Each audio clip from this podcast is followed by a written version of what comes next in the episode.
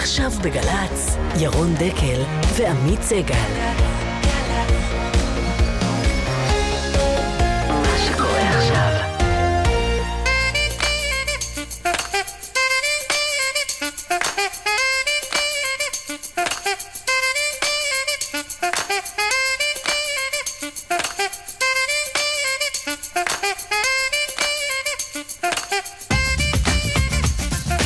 תשע וארבע דקות בגלי צה"ל, בוקר טוב ירון. מה נשמע? איך אומרים עכשיו? אה, זה מסתבך, זה עוד לא לא, מועדים לשמחה, לא, לא, גמר חג. שמח. לא, גמר חתימה. גמר חתימה עוד סוכות, אפשר עוד להגיד. דקה- עוד דקה ורבע, בלי שנרגיש, יגיע סוכות.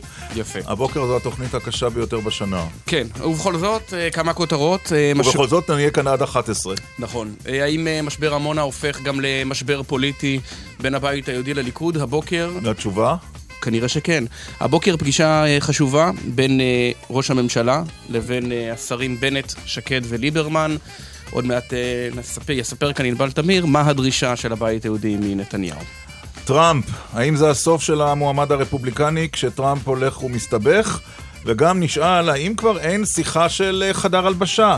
כי הרי היום הכל מוקלט, הכל יוצא החוצה, וכבר אי אפשר לדבר על שום דבר. ואם אין כאן צביעות בכל ההתרגשות הזאת, אתה יודע מה הרי מה אומרים? ככל שההקלטה היא גרועה יותר וצילום הוא באיכות מטושטשת יותר ככה מהטלפון, האפקט גדול יותר. בדיוק, כי זה מרגיש לנו כאילו נאמרים כאן איזה סודות גדולים. אחרי החגים, במרחק של אה, שבועיים בלבד, מרחק נגיעה. האם אחריהם אה, יהיה בכלל תאגיד שידור ציבורי? האם יהיה מס על דירה שלישית? יושב ראש הקואליציה דוד ביטן יספק תשובות. דודי פרל, ראש מועצת גוש עציון, קיבל הכשר מחברי אה, ועדת בדיקה שהקימה המועצה, הכשר להמשיך בתפקידו, למרות דמי השתיקה ששילם לדבריו למתלונן נגדו. איך זה קורה? נשאל כאן בשעה השנייה וגם של... בעוד 40 דקות, שיחה בהפתעה. וציוצים לכל אורך השעתיים הקרובות, אשטג אה, דקל סגל במילה אחת, הבוקר חינם. תמיד חינם. כן, זה נכון. מזמן לא זה עשינו... נשמע אטרקטיבי. מזמן לא עשינו משאל אגב. נכון. אולי אנחנו צריכים לחשוב על איזה משאל. בצוות הבוקר אה, ישי שנרב העורך, יחד עם רון רוזנבוים ומשי ג'רסי בהפקה, בן קטן על הביצוע הטכני, דקל סגל עד 11.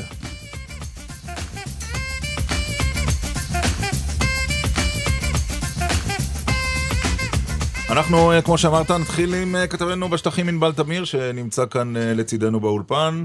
שלום ענבל. שלום, בוקר טוב. ספר לנו אה, איך המשבר הזה מתגלגל אה, בשעות האלה. אז הדרישה החדשה של אה, נפתלי בנט בעניין עמונה פנה ביממות רק האחרונות. נזכיר למי שבמקרה לא יודע, החלטת בג"ץ מחייבת פינוי פינוי עד עמונה, כמה? 20 ו... 25 בדצמבר. עוד חודשיים וחצי. שהוא כן. יום הולדתו של ישוע הנוצרי. כן. כן. תודה על הפרט הזה. בבקשה. לא, למקרה שמישהו לא זכר, כן. כחלק מהניסיונות להשיג שם איזשהו פתרון, נפתלי בנט אה, אה, פנה ביממות האחרונות לראש הממשלה נתניהו בדרישה חדשה, הוא מבקש אה, בתקיפות שהמדינה תגיש לבית המשפט העליון אה, בקשה לדחות את פינוי עמונה. לפחות בכמה חודשים, זו הדרישה של נפתלי בנט אה, מראש הממשלה. אבל זה תלוי בכלל בנתניהו? זה תלוי, לא. ב, זה תלוי בנתניהו אם תוגש הממשלה, בקשה. כן, אם הממשלה מבקשת, נכון? כן, נתניהו יכול להחליט עם, מן הסתם בהתייעצות עם שר הביטחון גם וכולי, אם הממשלה תבקש מבג"ץ. אחר כך זה תלוי בבית המשפט העליון אם הוא ייתן את הדחייה או לא ייתן את הדחייה, מה הסיכויים לזה אני לא יודע. מאחורי הקלעים, הסיפור של בקשת הדחייה הזו, היה פתרון שנפתלי בנט ואיילת שקד הרי קידמו בכל, הכו- בכל הכוח, זה פתרון שקראו לו העתק- נכסי, נכסי נפקדים, כן.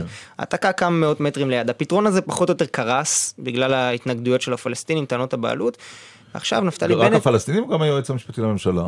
לא, ההתנגדויות על נכסי הנפקדים זה התנגדויות של פלסטינים עם ארגון יש דין. אוקיי. אה, זה פחות או יותר גמר את הסיפור הזה של נכסי אבל, נפקדים. אבל איך הגענו ממצב שבו נפתלי בנט ושקד מגיעים אה, אה, בתחילת השבוע לעמונה ואומרים לתושבים, אתם תצטרכו ללכת, למצב שבו בסופו של השבוע בנט ושקד מאיימים כמעט במשבר קואליציוני. כן. אולי משהו שקרה בפגישה הזאת. יכול להיות שבפגישה הזאת הם- השתכנעו שבאמת כל תושבי המאחז לא יעברו לשום מקום אחר, שצריך למצוא שם איזה או פתרון. שהלחץ הפוליטי עליהם אה, מהשטח היה יותר כבד מכפי ששיערו. לא כתבנו הפוליטי. אה, אני לא חושב, אני חושב ש... אז מה גרם לשינוי הדעה? כי אגב, גם כאן, אולי מגיעים למסקנה שהיועץ, זאת אומרת, אה? יש כמה אפשרויות. קודם כל, שכדאי להם ללכת למשבר פוליטי על זה. ב', יכול להיות שהם הגיעו למסקנה שאם הם לא יעשו את זה, אז באמת זה לא ייעצר בעמונה, ואז מי שחוטף ראשון זה מי שהבוחרים שלו אומרים לו, בממשלה שלך, בממשלה שאתה משרת. סליחה שאני מתערב, אבל הרקורד של המשברים הפוליטיים של השר נפתלי בנט הוא לא משהו להתגאות בו. אתה זוכר יכול- את המזכיר הצבאי של הקבינט שעדיין ממתינים שימונה? אה, נכון, חצי שנה, כן. אז אנחנו ממתינים, כן, אבל השר אמר לנו השר בנט שלא- כמעט פוצץ את הממשלה על מזכיר צבאי שלא הוא אמר לא נעמוד היה, עם לא סטופר, אבל... וגם משל לא היה. אבל לוח שנה אפשר. כן. זה אה, בממשלה הבאה. אה, אני חושב שהתחושה העיקרית זה שהם גוררים, בנט ושקד חושבים שנתניהו ומנדלבליט גורר- גוררים רגליים. זאת אומרת שלא מאוד דחוף להם להציל את עמונה. אז אה, עכשיו... כלומר, הם מגיעים להבא. ל-25 בדצמבר עם פינוי עמונה. נכון, עכשיו, השאל, השאלה הגדולה, אה, ענבל, אה, האם הם אומרים, ואם לא אז, האם יש גם אולטימטום? אז כרגע אני לא מכיר אולטימטום פוליטי של ואם לא אז, אבל יש דבר מעניין בהקשר של בקשת הדחייה הזו. בנט ושקד, מה שהם מנסים עכשיו זה למצוא איזה פתרון ש- שנפתלי בנט הגדיר אותו פתרון אסטרטגי, אבל שעשוי באיזושהי היתכנות לעזור גם לתושבי עמונה. עכשיו, למה הם מבקשים דחייה? בין היתר, אחת הסברות זה שיש חשש שכל פתרון כזה יסוכל אם הוא יעלה בתקופת המעבר שבין נובמבר לינואר, כלומר בין הבחירות בארצות הברית לסיום הכהונה של נשיא ארצות הברית ברק אובמה. ולכן בקשת הדחייה הזאת, מה שהיא אומרת, בוא נעבור את העניין הזה של אובמה. תנו לאובמה לסיים. ואז תהיה אולי יותר מה, זה היתכנות. מחזיק בבג"ץ, אה, הבקשה תנו לאובמה לסיים? בג"ץ יכול להגיד שיקולים הנשיאה מדיניים, מרים נאור שיקולים עובדת לפי לוח אסטרטגיים. זמנים של חילופי נשיא ארצות הברית? שיקולים מדיניים, שיקולים אסטרטגיים, אה, אני לא יודע איך שיקולים ינמקו את זה. מבחינה משפטית, אבל בכל אופן ההבנה זה שאחרי כהונתו של ברק אובמה יש אולי יותר סיכוי שפתרון כזה שיעזור גם לעמונה ואולי לבתים אחרים על קרקע פרטית בהתנחלויות יעבור. כמה, הערות. אחד, רגע, יש איזה. תגובה מרוה"מ? עד- עדיין לא. תגובה מראש הממשלה עדיין לא, מסביבת אוקיי. נפתלי בנט מסרו לנו שהשר בנט פועל מול ראש הממשלה כדי לאפשר את הישארות תושבי עמונה על ההר. כן, אה, כמה דברים. אחד, יכול להיות כן. שבנט בפגישה הזו רוצה בעצם להגיד לציבור, וזה לא הבעיה שלי. את- מה אתם באים אליי? מה אתם באים וצועקים עליי, שר החינוך? זה ראש הממשלה אחראי, תפנו אליו.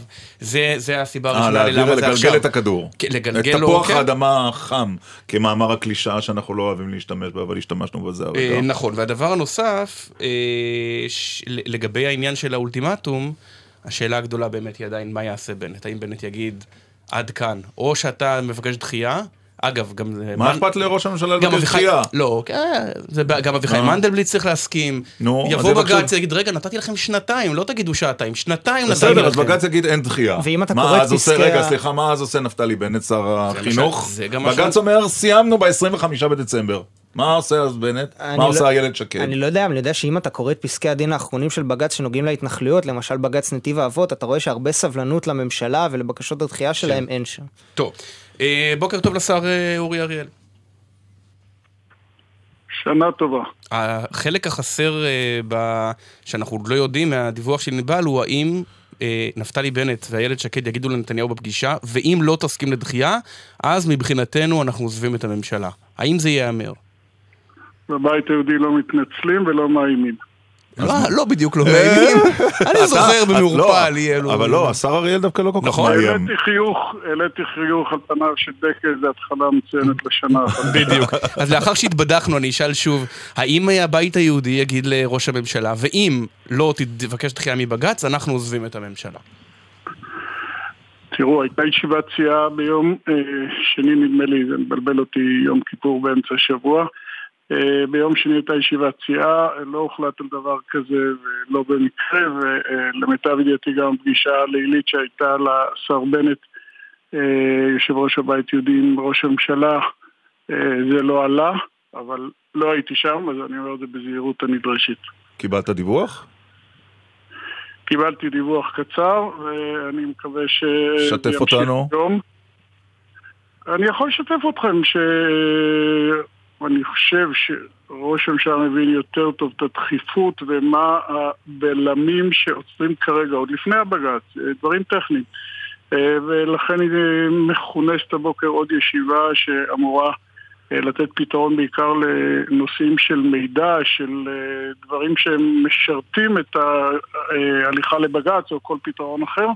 אני מקווה מאוד שהיום אה, נתקדם בזה. אבל אתה רואה, השר אורי אריאל, את אה, בית המשפט העליון נותן אה, אורכה נוספת אחרי שנתן כמה וכמה ובאיזשהו שלב סבלנותו כלפי הממשלה תראה, קצת אם אני- פקעה? אם אני רואה את ההתנהגות שלו כלפי הריסות אצל אה, ערבים, בדואים וכדומה, ששם זה ניתן, אני Mm. מתקשה לראות סיבה, זה לא יינתן לאזרחי ישראל שנהגו בתמימות, בישרות, לא עשו דבר שהוא מכוון נגד החוק, וכל הבקשה היא דחייה, נו, כן. בסדר, אז מה יקרה? הרי אין ערבי שבא ואומר, רציתי הבוקר לאבד את השדה שלי, לא, לא אבל יש- כי הבית של אורי הוא על השדה שלי, לא. אבל שנתיים, אין- אבל בג"ץ. נתן לממשלה, השר אריאל, בג"ץ נתן לממשלה שנתיים ימים, זה לא, זה לא חודשיים, יהיה- ולא עשיתם היא כלום. הנותנת. היא- לא, ראשית, האמן לי שעשינו. אנחנו לא מוכרים כבטלנים גמורים. ושנית, אה, אני אומר לך, היא הנותנת. אה, מי שנותן שנתיים, נו, אז מה יקרה אם... אה, אז בסוף יהיה תאשימו את בג"ץ. כלפי עניין אנושי, שזה עוד חצי שנה נניח. אוקיי. אז בסוף תאשימו את בג"ץ, אני- בג"ץ כפה עלינו? אתה רואה... למה, למה להאשים מישהו? תראה, גמרנו את יום כיפור, אתה כבר עם האשמות. להפך, יש עוד שנה, אני אפשר להאשים, יש עוד שנה לבקש שנה סליחה. אם לא עכשיו, אני אם מנצל את- מתי? את התזמון המושלם אם לא בי"א. בתשרי, מתי אני מתי נשמיץ. נכפיש, אני נאיים. נדרוש? אני אשקול, אני אשקול את ההצעות שלכם על החזרה בתשובה. תגיד, אבל השר אורי אריאל, זה, זה באופן מוזר, אתה נחשב כסמן יותר ימני מבנט ושקד בבית היהודי, אבל מבחינה נניח אה, פרסונלית, כיותר מתון ביחסים מול נתניהו. מה הדרך הנכונה לדעתך אה, של הבית היהודי לפעול מול נתניהו? להגיד לו, יש לנו אולטימטום קואליציוני, או לפעול בשקט? אני חושב שמה שנעשה כרגע זה הדרך הנכונה, יש אה, פגישות, יש, קודם כל יש הידברות? זה לא מצב כן. של נתק וההוא מאיים על ההוא בדרך אה, גלי צה"ל או דרך זה או דרך... שזה. קצת מדברים, חבל, הייתה לנו יותר. פרנסה במקרה כזה, אבל בסדר. אה, תשמע, לפחות בשנה הקודמת ראיתי שלא היה חסר, ואני, יש לי סברה שגם השנה לא.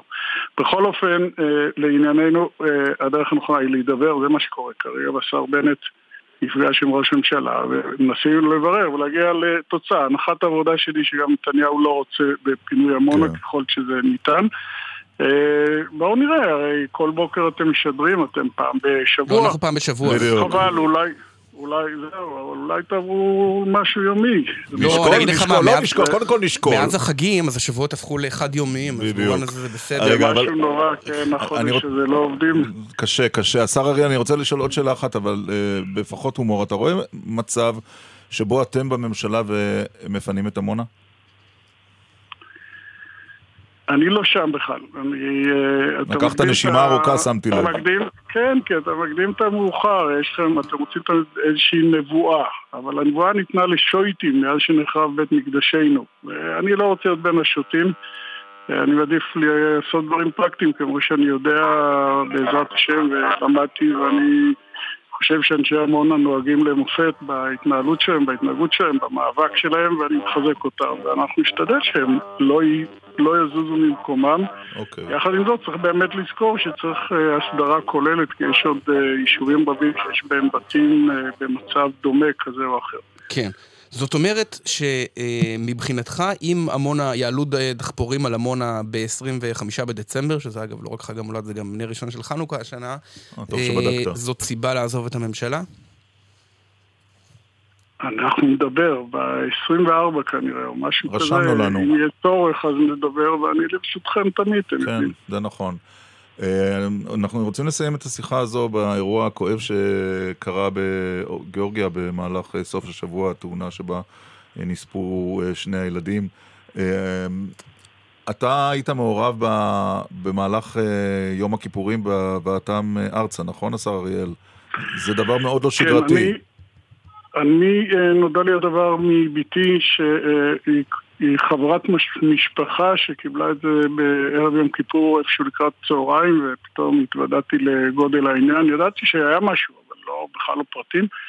ואז הסתבר שחייבים להוציא צוות אה, לטיבילצי כדי לטפל בפצועים, בעיקר בנועה בהם.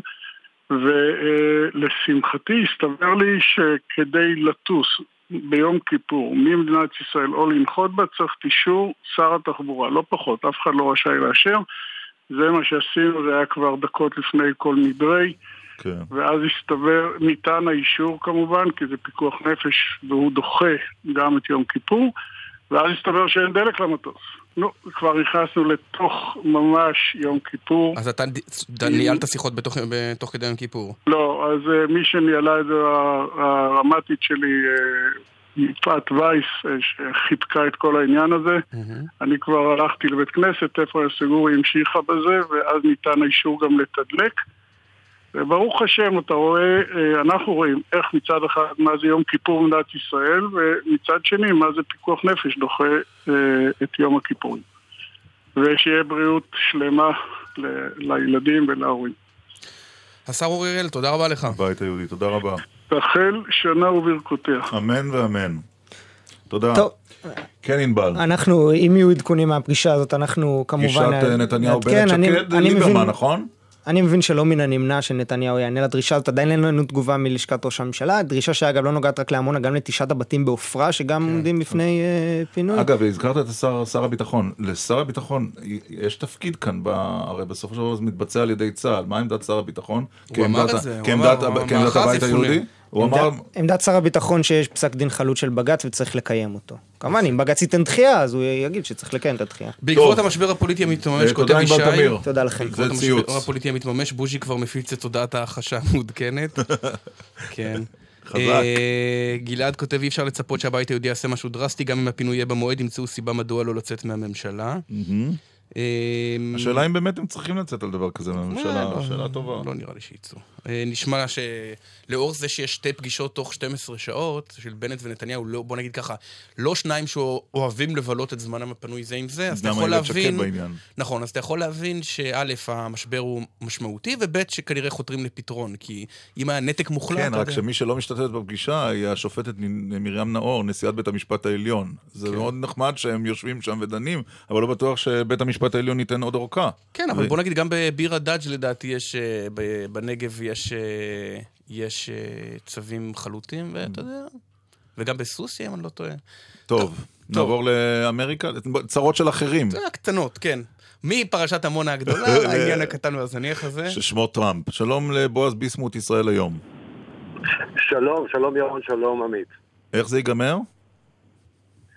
שמונה בנובמבר. לא, אנחנו יודעים, לשם כך לא היינו משוחחים בועז ביסמוט, אם אה, התשובה היא שמונה בנובמבר. בבחירות האלה אני חושב שכבר, אתה יודע, אה, אה, מומחים גדולים ממני, אנשים שיושבים כעת בארצות הברית, מסרבים להמר. Mm. יותר מזה, אתה יודע, כתבתי פעם משהו שכמובן יש איזה אתר מסוים בארץ, אוהב לבקר כל דבר שעיתונאים עושים וכותבים. אז האתר הזה ביקר אותי בפעם ה-900 אלף, על כך שכתבתי שיכול מאוד להיות שהילרי שוחטת אותו, פשוט מביסה אותו 70-30, mm-hmm. או פתאום נקום עם איזה אה, אה, טראמפ נשיא. הכל יכול להיות בבחירות הכי מטורפות בהיסטוריה. ואתה עדיין חושב שהוא יכול... אה, לא, לא, לא הסתרת את תמיכתך בטראמפ בכתבות שפרסמת בשנה האחרונה. אתה עדיין חושב שהוא ראוי? לא, מה שכתבתי בכתבות, בכתבות שלי, אתה יודע, מאחר ואני מאוד, מאוד מאמין בזה שעיתונאים, כתבים, פרשנים עיתונאים לא צריכים להיות עדר, אז מאחר וכולם כותבים דבר מסוים וקצת רוצים לשכוח את הצרות של הילרי, mm-hmm. יכול מאוד להיות שאני שם קצת יותר את הדגש על הצרות שלה, וברוך השם יש לה צרות. הראיה, אם הוא עדיין, עם כל הדברים שאמר, עשה וכולי וכולי, עדיין בחיים פוליטית, ואתה עדיין שואל את השאלה הזו, לא יודע אם חיים. שבאמת הילרי, כנראה שבאמת הילרי לא המועמדת הראויה. לא, ודאי, זה, זה, אין מחלוקת, אבל, כן. אה, אבל כן. הסקרים. לא טעו לגבי טראמפ עד היום. במפלגה הרפובליקאית הם אמרו שהוא ינצח לאורך כל הדרך. אז אם הסקרים עכשיו אה, מעניקים לו פיגור של בין 8 ל-12 אחוז, אז זה נראה די גמור.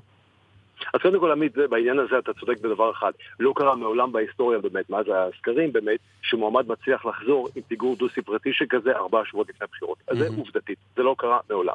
מאחר ויש לנו בחירות שאין להם שום, אין שום חוק, הרי תסכימו איתי שניכם, שבסופו של דבר כל מועמד אחר, על הרבה פחות ממה שטראמפ אמר, כבר מזמן היה בחוץ. לא כן. לא שלא היו בעבר שערוריות ופרשיות, היו, אפילו אובמה, צח קשה לגבי אובמה שהוא באמת אה, נשיא אה, שמסמל את המוסר, הרי אתם זוכרים את ההקלטות, זה היה בפריימריז אמנם, של הכומר אה, ג'רמי רייט, והיו כאלה שאמרו, זהו גמור, כולה גמור. כן. ביל קלינטון, עוד נשיא עצום, מוסרי, מקסים, חתיך, יפה, חכם, מה שאתה רק רוצה, איש של שלום. הסיפורים עם האנשים, ואז אותו 60 Minutes, ואז הופעה מדהימה של אשתו, דווקא של הילרי קלינטון, כן. זה היה קשור לג'ניפר פלאוורס, ולא רק שהוא לא רק שהוא יוצא מזה, הוא אפילו מתחזק. אבל אתה קצת הקלת על טראמפ. כן, תלונות על תקיפה מינית, דברים די איומים שהוא אומר בהקלטה. אז פה אני שמח שאתה שואל אותי, באמת השאלה הזו שאתם שואלים אותי. תראה, באמת, טראמפ יצא לי לפגוש, לראות, אה, מאז דצמבר, שש פעמים. שש פעמים מאז דצמבר. אבל לא הקשית עליו במיוחד, נכון? הוא גם לא הקשה עליי. נהדר. זה לא התפקיד שלו. לא, לא, לא, לא, אני אסביר למה אני מתכוון, אני אסביר למה אני מתכוון. אתה יודע, יש דבר, אתה יודע, אתה, אה, אה, אה, יש, אה, אה, אה, אנחנו נוטים להגיד, האיש למשל אה, גזען. האיש גזען, בסדר, יצא לי לראות את האיש הזה בנוכחות חלק מהעוזרים שלו וחלק מהסביבה שלו, אה, אה, לא, וכולל היו שם... ולא התרשמת ככה. כולל, כולל, כולל, כולל ב, שם במועדון שלו, שם בפלביץ'. לאחר מכן הסיפור עם נשים. תראה, אני ראיתי אותו כאיש משפחה, ראיתי גם את הילדים שלו, זה היה בקליבלנד. נו, אז לא מה? קיבלתי את הרושם, רגע, לא קיבלתי את הרושם, אפרופו גזען, אה, אה, גם העניין של היהודים, אתה יודע שבמשפחה שם יש אה, כל מיני יהודים, לא ראיתי איזה שנאה ואיזה אנטישמיות. אני אני לא מצליח להבין, אז לא ראית, זה זה שאדם מתנהג יפה לאשתו וילדיו כשאתה נמצא שם זה הוכחה שהוא לא תקף מינית? לא, על זה הייתי אומר דבר אחד כזה, קודם כל תקף מינית או לא תקף מינית, זה בדיוק כמו ביל קלינטון וארבע אנשים שהביאו לנו מתהום הנשייה שהוא הביא, אתה רואה דווקא אני אבקר אותו, פתאום לפני העימות הוא מביא ארבע נשים, אחת זה בכלל סיפור מפרשה מארקנסה או מ-78 לפי דעתי, ואז לך תוכיח שאין לך אחות. בוא, בועז ביסמוט, בוא, אני רוצה לשאול אותך משהו יותר עמוק. הרי אתה. מביע תמיכה, והעיתון שלך, לא הולכים לאורך כל, שנייה, רק שנייה, אני רק אשלים, הולכים לאורך כל הדרך עם, אה, אה, דונלד טראמפ. מיד נגיע לשאלה אם זה מוצדק או לא מוצדק. קודם כל אני חייב לשאול שאלה פסיכולוגית. למה הלהט הזה? למי אכפת? ואם ישראל היום היה סתם אובייקטיבי, איזה, אתם לא, הרי לא משכנעים אף אחד, הבחירות נערכות במרחק 12 שעות טיסה מכאן. מה כל ה... אני לא, אני לא מבין את הטרפת. הזאת. מימין, אגב, זה נכון גם לאלה שתומכים תומכים בהילרי בארץ. כן. אז קודם כל, אה, יפה אמרת, ואתה יודע, יש, אה, אה, נניח עכשיו, לא, אה, אה, אה, אה, אתה מעלה לשידור או לתוכנית שלך את בועז מישראל היום, אתה מעלה את X מהארץ או את Y מידיעות אחרונות. חד משמעית, זה נכון גם לחמי. שלו בארץ, וזה נכון גם ל... לא יודע לגבי ידיעות אחרונות, אבל... אבל אה, יפה, יפה, יפה. זאת אומרת שבסופו של דבר, אתה יודע, חלק מה... אתה הרי במקצוע הזה, וגם ירון דקל, שלושתנו, יש נניח גם אה, שבגיל 120 ניפרד מהעולם גם, אתה יודע, כשורה האחרונה שלנו כעיתונאים.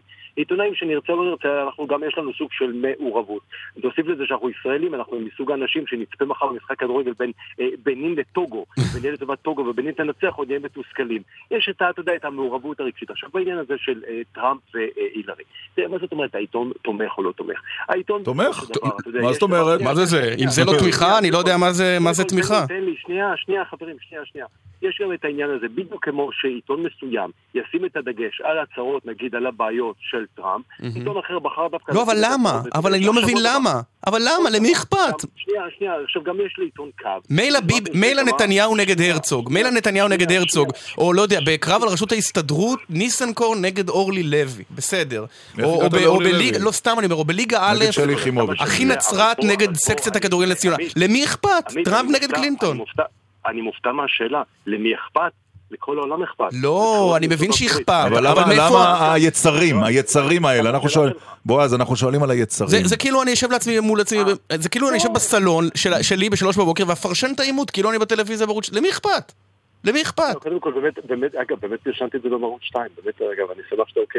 אני באמת פרשנתי את זה, ולמי אכפת? עובדה שערוץ 2, ערוץ 10 וערוץ 1 אה, פתחו משדרים אה, ישירים בלילה. כן, אבל לא הביעו תמיכה. לא לטובת מישהו. אה, לא לטובת מישהו, אתה חושב כן. שאין העדפות? בשידור?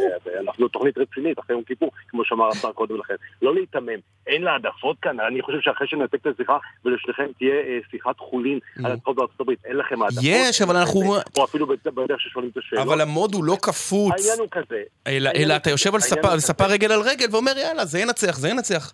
לא יודע, לא מבין את הטמפרטורה. שלי, אני רואה אני- אני רואה את התפקיד שלי, שאלת שאלה, אז אני אתן תשובה.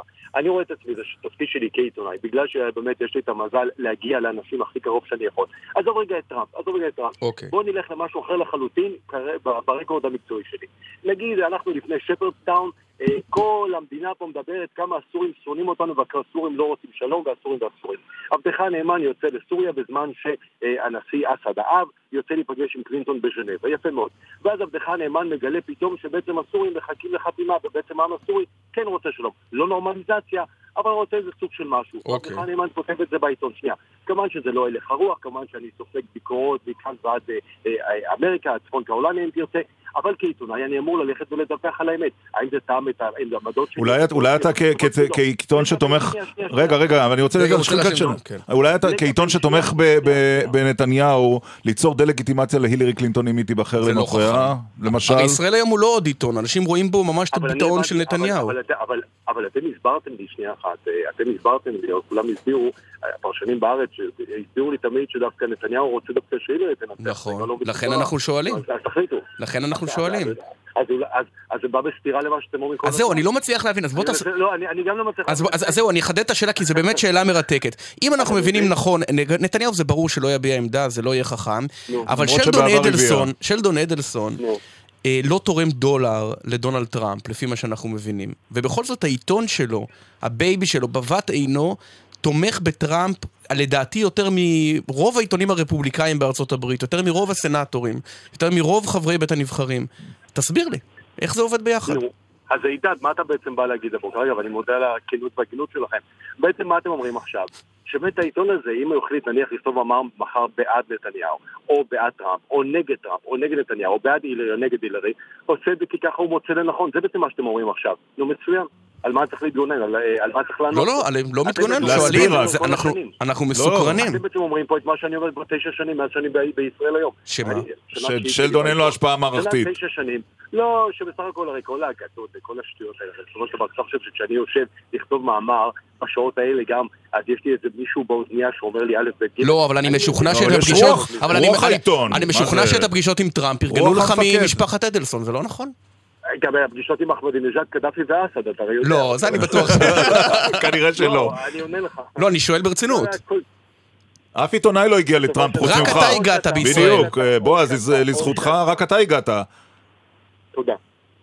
לא, זה הרי בסופו של דבר, אתם יכולים לשאול אותי שאלה בצדק ולבוא ולהגיד לי, ושאלה קשה, לבוא ולהגיד לי, בועז, עם כל הדברים שהוא אומר, איך עדיין אתה לא מספיק מבקר אותו, או איך מהכתיבה שלך... נכון. נו, ומה התשובה? ומה תשובתך? אחרי ששאלת, אולי תשיב. שאלה קשה ושאלה שאני יכול לענות, כי אני אחראי אחראי לה. פה אני אומר דבר שכזה, מאחר ואני מעדיף להתרשם באופן אישי מבני אדם, כן. ומאחר ואני נתקלתי וראיתי את האיש הזה לבד בפלורידה, ולבד אחרי הפריימריז בנבדה, אוקיי. לפחות, אה, ביכולות שלי. אז אתה אומר אין טוב ממראה עיניים. עכשיו לגבי, לגבי, לגבי הדברים שהוא אמר, הוא הוקלט. ההקלטה, ההקלטה מהאוטובוס הזה ב-2005 היא גסה, בוטה, מכוערת, הכל נכון, איכסה. יושב ראש ועד הבית, אני לא אה, רוצה שהוא ידבר בצורה שכזו, על אחת כמה וכמה... אבל כנשיא אין לך בעיה. אבל שנייה, שנייה, שנייה, שנייה, לא, לא אמרתי את זה, על אחת כמה וכמה נשיא ארצות הברית. אבל, אבל, האיש אומר את זה ב-2005, האיש אומר את זה שם, איך הוא קרא לזה שם, איך הוא אמר, באיזה... לא שיחה של חדר הלבשה. תגיד, אבל, לעימות- עם טראמפ לא הגעת בלימוזינה של. שלדון? שנייה, שנייה. כאשר הזמינו אותו, אגב, שלדון הוא הבעלים של ישראל היום. אני אמור, אה, אה, יש לך בעיה עם זה שאני אה, נוסע אין לי בעיה, רק אני שואל. רק אה, שואל. חשבתי. כי אמרת. שהגעת אגב, בעצמאית. אגב, אגב, אגב, אגב, אגב, סליחה, מאחר ואתה שואל את השאלה הזו, אז אני אגיד דבר אחר. הוא ייתכן מאוד שאם מישהו אחר שהיה לפיירול שלו היה נוסע בארצות הברית, ייתכן שגם הוא היה נוסע אה, באותה מכונית. אז אה, זה לא רוצה הערה הזו. נחזור לעניין הזה, נחזור לעניין הזה. לעניין אוקיי. של השאלה עצמה, שהיא שאלה קשה ולגיטימית. בסופו של דבר, אין, אין כמו מראה עיניים, אין כמו משמע אוזניים. ואני באמת התרשמתי וראיתי את האיש הזה. אוקיי. עכשיו לגבי הילרי עצמה, לי הרבה יותר צורם, אתם, אתם גלי צה"ל, תחנה, נכון? תחנה צבאית יפה. יש דבר שנקרא ביטחון שדה. הבנתי. אז האימיילים שלה צורמים לך יותר מההתנהגות שלו. או לא פחות, כן. טוב. רגע, בועז נותק? כן. טוב, אבל אני חייב להגיד לך אה, משהו, כן, באמת פשוט, מכל אה, מכל הבעיות בטר- של טראמפ, ההקלטה של לפני עשר שנים נראית לי באמת, אה, נראית לי באמת דבר די, די, לא יודע, לא רוצה להגיד קטן, אבל אם זאת קטן? הבעיה שלכם עם טראמפ, אתה יודע, כן, אבל... יש כל כך הרבה בעיות עצומות אתה אף אחרות. פעם לא יכול לדעת איזו הקלטה מאיזה זמן הופכת לסיפור כזה גדול. נכון, ועל זה בדיוק נדבר מיד האם אחרי החסר. הגזימו בחשיפה של... אה, או לא, יותר מזה, למ- מה יש בהקלטות הסתר האלה שגורמות לנו העוב- לגלגל עיניים עצם ולהגיד, ככה לא הקלטות, מדברים? עצם העובדה שאין הקלטות סתר. איזה ציוץ נבחר לפני שאנחנו ממשיכים בסוגיה של החדרי הלבשה? אנשים נסערים ממה שאני אה, אמרתי על זה שזאת הבעיה הקטנה של טראמפ, ההקלטה שלו. כן, יש לו כל כך הרבה בעיות גדולות אחרות. לא, אבל אני... מה, לא ידעתם שטראמפ הוא כזה עד שהייתם צריכים הקלטה מ-2005 כדי אבל זה- להבין? אבל- לא הבנתם? עוד לא הבנתם כשהוא זה דיבר למייגן קלי? אבל זה עדות אה, מוקלטת. אה, ירון, כשהוא דיבר טוב. אל מייגן קלי בצורה הכי אתה דוחה ובוטה, זה קצת שהמועמדות שלו עוד נשארה אתה בכלל קצת אחרי זה. באפקט. לא, בסדר, אתה יודע. טוב, תמיד, אז- לפעמים אתה לא יודע מה יהיה הקש. זה מה שאני תגיד מנסה לטעון. למצייציך שהם צודקים, מה אכפת לך? עכשיו בגל"צ, עמית סגל חושב, כותב יובל, שהקלטה של אדם מתארת שיטת התקיפות המיניות שלו היא בעיה קטנה יחסית. והמילה לא. החשובה היא כמובן יחסית. טוב. טוב, אבל השאלה באמת, אה, עכשיו נדבר לא על טראמפ, אלא על מוסד הקלטת הסתר. ממקומות שלא אמורים לצאת החוצה, ועכשיו זה דבר שגרתי כמעט. אה, שלום לרני רהב. שלום גם לכם. בוא נשתדל שהפעם ראיון איתך... חתימה טובה. חתימה טובה. נשתדל, בוא נסכם שהפעם לא ייגמר בתביעת דיבה בעקבות ראיון איתך, בסדר? נעשה מאמץ הדדי משני הצדדים. חס וחלילה. עשינו עסק, אוקיי. עורכת הדין טלי ליבליך, מומחית לדיני תקשורת וחופש הביטוי וצנזורה. בוקר טוב, עורך הדין ליב- ליבליך. בוקר טוב. ושלום לפרופסור יורם יובל מבית הספר לרפואה באוניברסיטה העברית. שלום וברכה. רני, אתה, אה, לא, לא נדבר אה, ספציפית, אבל אה, בוא נגיד, הסיוט הגדול ביותר של יחצן מול הלקוחות שלו זה כאשר הם מתקשרים אליו ואומרים, עומדים לפרסם הקלטת סתר שלנו, נכון? בהחלט. לא רק, לא גם כיחצן, אלא גם כאזרח. אני חושב שברגע שמישהו חושף קלטות סתר כאלה או אחרות, זה דבר אה, מביך ודבר אה, מאוד בעייתי, ובכלל כל הנושא הזה שהכל מוקלט והכל מצולם והכל אה, נמצא בארכיונים והכל והכל והכל, אה, הפך להיות אה, עולם מטורף. אתה יודע, אנחנו נהנים מן המנעמים של הטכנולוגיה המדהימה אה, שמה שנקרא פותחה אה, בעת הזו, בעת שלנו, אבל הטכנולוגיה הזאת היא גם אה, יכולה להוריד שעול למדינות אז- שלמות. תראה, אנחנו ראינו וויקיליקס, מה, כן. מה כן. קורה בוויקיליקס, שכל דקה יש אסון אחר מהבחור הזה, ויש כאלה שאומרים הידד לדמוקרטיה, ויש מדינות שהיו מוכנות לשלם הרבה כסף, שהאיש הזה לא. יפסיק לעשות את זה, כי יש פה, אתה יודע, סודות אה, כן, מדינה, אבל סודות כשאתה- ביטחון. כשאתה מדבר עם לקוחות שלך. לקוחות שלך, אה, רני רהב, אתה אומר להם, תיקחו בחשבון שכל דבר שתכתבו, תאמרו, עשוי להיות מוקלט, מצולם או מודלף. איך אפשר לנהל בכלל שיח על אה, התנהלות כשיש חשש שהכל ידלוף? איך, איך אפשר בעידן אני- הזה להתנהל? ברגע, ברגע, בוא, בוא נסכם ככה, שברגע שהכל חוקי והכל בסדר, אז אין בעיה שהכל ידלוף, אוקיי? לא, אבל יש דברים שנשמעים לא טוב. אז אני אומר, אני אומר, קודם כל, אה, כל נושא האכיפה במדינת ישראל אה, צריך לקבל רוויזיה מאוד אכיפה. מאוד גדולה, על מנת שדברים כאלה, אם הם קורים, שימוצה הדין באופן מיידי, ולא ייקח שלוש עד ארבע שנים עד שימוצה הדין. ובנושא הזה אני מקווה ששרת המשפטים, כמו שהיא לקחה על עצמה הרבה מאוד דברים אה, לעשות, היא גם תנגע בזה, כי היא אה, שרת משפטים ראשונה אה, שנכנסת אה, באופן מאוד חזק בתופעת השיימינג, ואני מקווה שגם בנושא הזה אה, היא תיכנס אה, באופן מיידי, כולל אה, השר, אה, השר שאחראי גם על המשטרה, השר ארדן, שבאמת אה, עושים אה, אה, מאמצים כבדים וכבירים כדי למגר את הנושא הזה, ואני מאוד מקווה שגם בנושא הזה, הנושא הזה ימוצה באופן אוקיי. מיידי, כי באמת זה מתחיל להיות רעה חולה מאוד מאוד תכף, קשה. תכף, תכף נמשיך בכיוון הזה, אבל פרופסור, פרופסור יובל, בעידן הנוכחי אנחנו הרי יודעים שבעבר הייתה, היה פער בין מה שאנחנו אומרים בחדרי חדרים לבין מה שאנחנו אומרים בריאיון לכלי התקשורת, באופן פומבי, בשידור ברדיו. האדם צריך להסתגל לכך שהוא חשוף כל הזמן והוא לאור הזרקור. אני מדבר על אנשים ש, שנחשפים, לא דווקא על אנשים פרטיים, שאין כבר את ההפרדה הזו של שיחות של חדר הלבשה? כן, אני חושב שזה ברור. אה, זה באמת המצב. אה, אני חושב אבל שזה חלק משתי תופעות אה, יותר גדולות שקורות בתרבות שלנו. האחת זה הקריסה המוחלטת של המחסום בין הפרטי לציבורי. ופעם מה שהיה קורה בבית שלך ומה שהיה קורה בחוץ היו שני דברים שונים, והם לא היו בהכרח מדברים אחד עם השני, היה איזשהו קיר ביניהם. מהמם. אה, העובדה שהיום כל הגיק של כל אדם בכל מקום על פני כדור הארץ יכול להגיע תוך שנייה לפייסבוק ולהיות מופץ במיליוני עותקים, כל סרטון וידאו שאתה מעלה, מאפשרת היום לאנשים פרטיים להגיע לכל מקום בעולם, כמו שאמרתי, עם כל הגיק קטן שלהם. אבל אדם ברמה אה, הפסיכולוגית, את- את- פרופסור יובל, אדם ברמה הפסיכולוגית יכול להתנהל כשהוא יודע שאין לו איפה לפרוק את התסכולים שלו, את האמירות הלא מנומסות שלו, את האני הלא מכופתר? תראה, הדילמה הזאת היא דילמה מאוד ישנה. אה, בתנ"ך כתוב כי אוזניים לכותל ועוף השמיים יוליך את הכל. הידיעה שדברים שאתה אומר באופן פרטי עלולים להכות בך כשהם יגיעו לציבור, זה דבר ישן מאוד. זה שבני אדם אה, אמונים על האומנות של מה להגיד ולמי להגיד ומתי להגיד, וזה חלק מחבילת התוכנה שדרושה כדי להיות בן אדם ולשרוד בחברה, להתפתח על פני הרבה מאוד שנים. אה, אני חושב שעכשיו זה עובר אתגור יותר גדול, אה, תצטרך לחיות ולראות אה, איך זה קורה. אבל ישנה עוד תופעה שהיא קשורה לזה, ולכן אני שמח שיש פה גם את היחצן וגם את עורכת הדין. יש פה עוד דבר מאוד מאוד חשוב שקורה, וזה הקריסה של ההבדל בין התורה שבכתב לתורה שבעל פה. זאת אומרת, החיים שלנו עברו משפטיזציה מוחלטת. עורכי הדין השתלטו עלינו והרסו כל חברה טובה, לא רק בחברה הישראלית. אלא בחברה העולמית. אה, לא, לא, לא. אתה מאתגר את עורכת הדין הוא- לפני ששאלנו שאלה. כן, כן, לא, לא, זה בסדר שאני מאתגר את עורכת הדין, כי עורכת הדין מאתגרת אותי. אם, אתה יודע מה, בוא נדבר למשל על הדבר הזה, על העניין של קריסת ההבדל בין התורה שבכתב לתורה שבעל פה. אה, מאחר שהיום כל דבר שאמרת וצייצת וכתבת, כן? אי פעם, אי פעם, זה לא. צריך להיות אי עכשיו. פעם יגיע לבית משפט ויוגש בתור עדות נגדך ראיה. לא, זה לא יגיע לבית משפט. רגע, עורכת... לא. יגיע לבית משפט. סליחה, עורכת הדין. כל דבר, בוא, בוא אני... לא, אני, אני, אני, לא, זה לגמרי לא נכון. היו לנו מקרים, היו לנו מקרים לאחרונה. לגמרי את מקצוע הרפואה.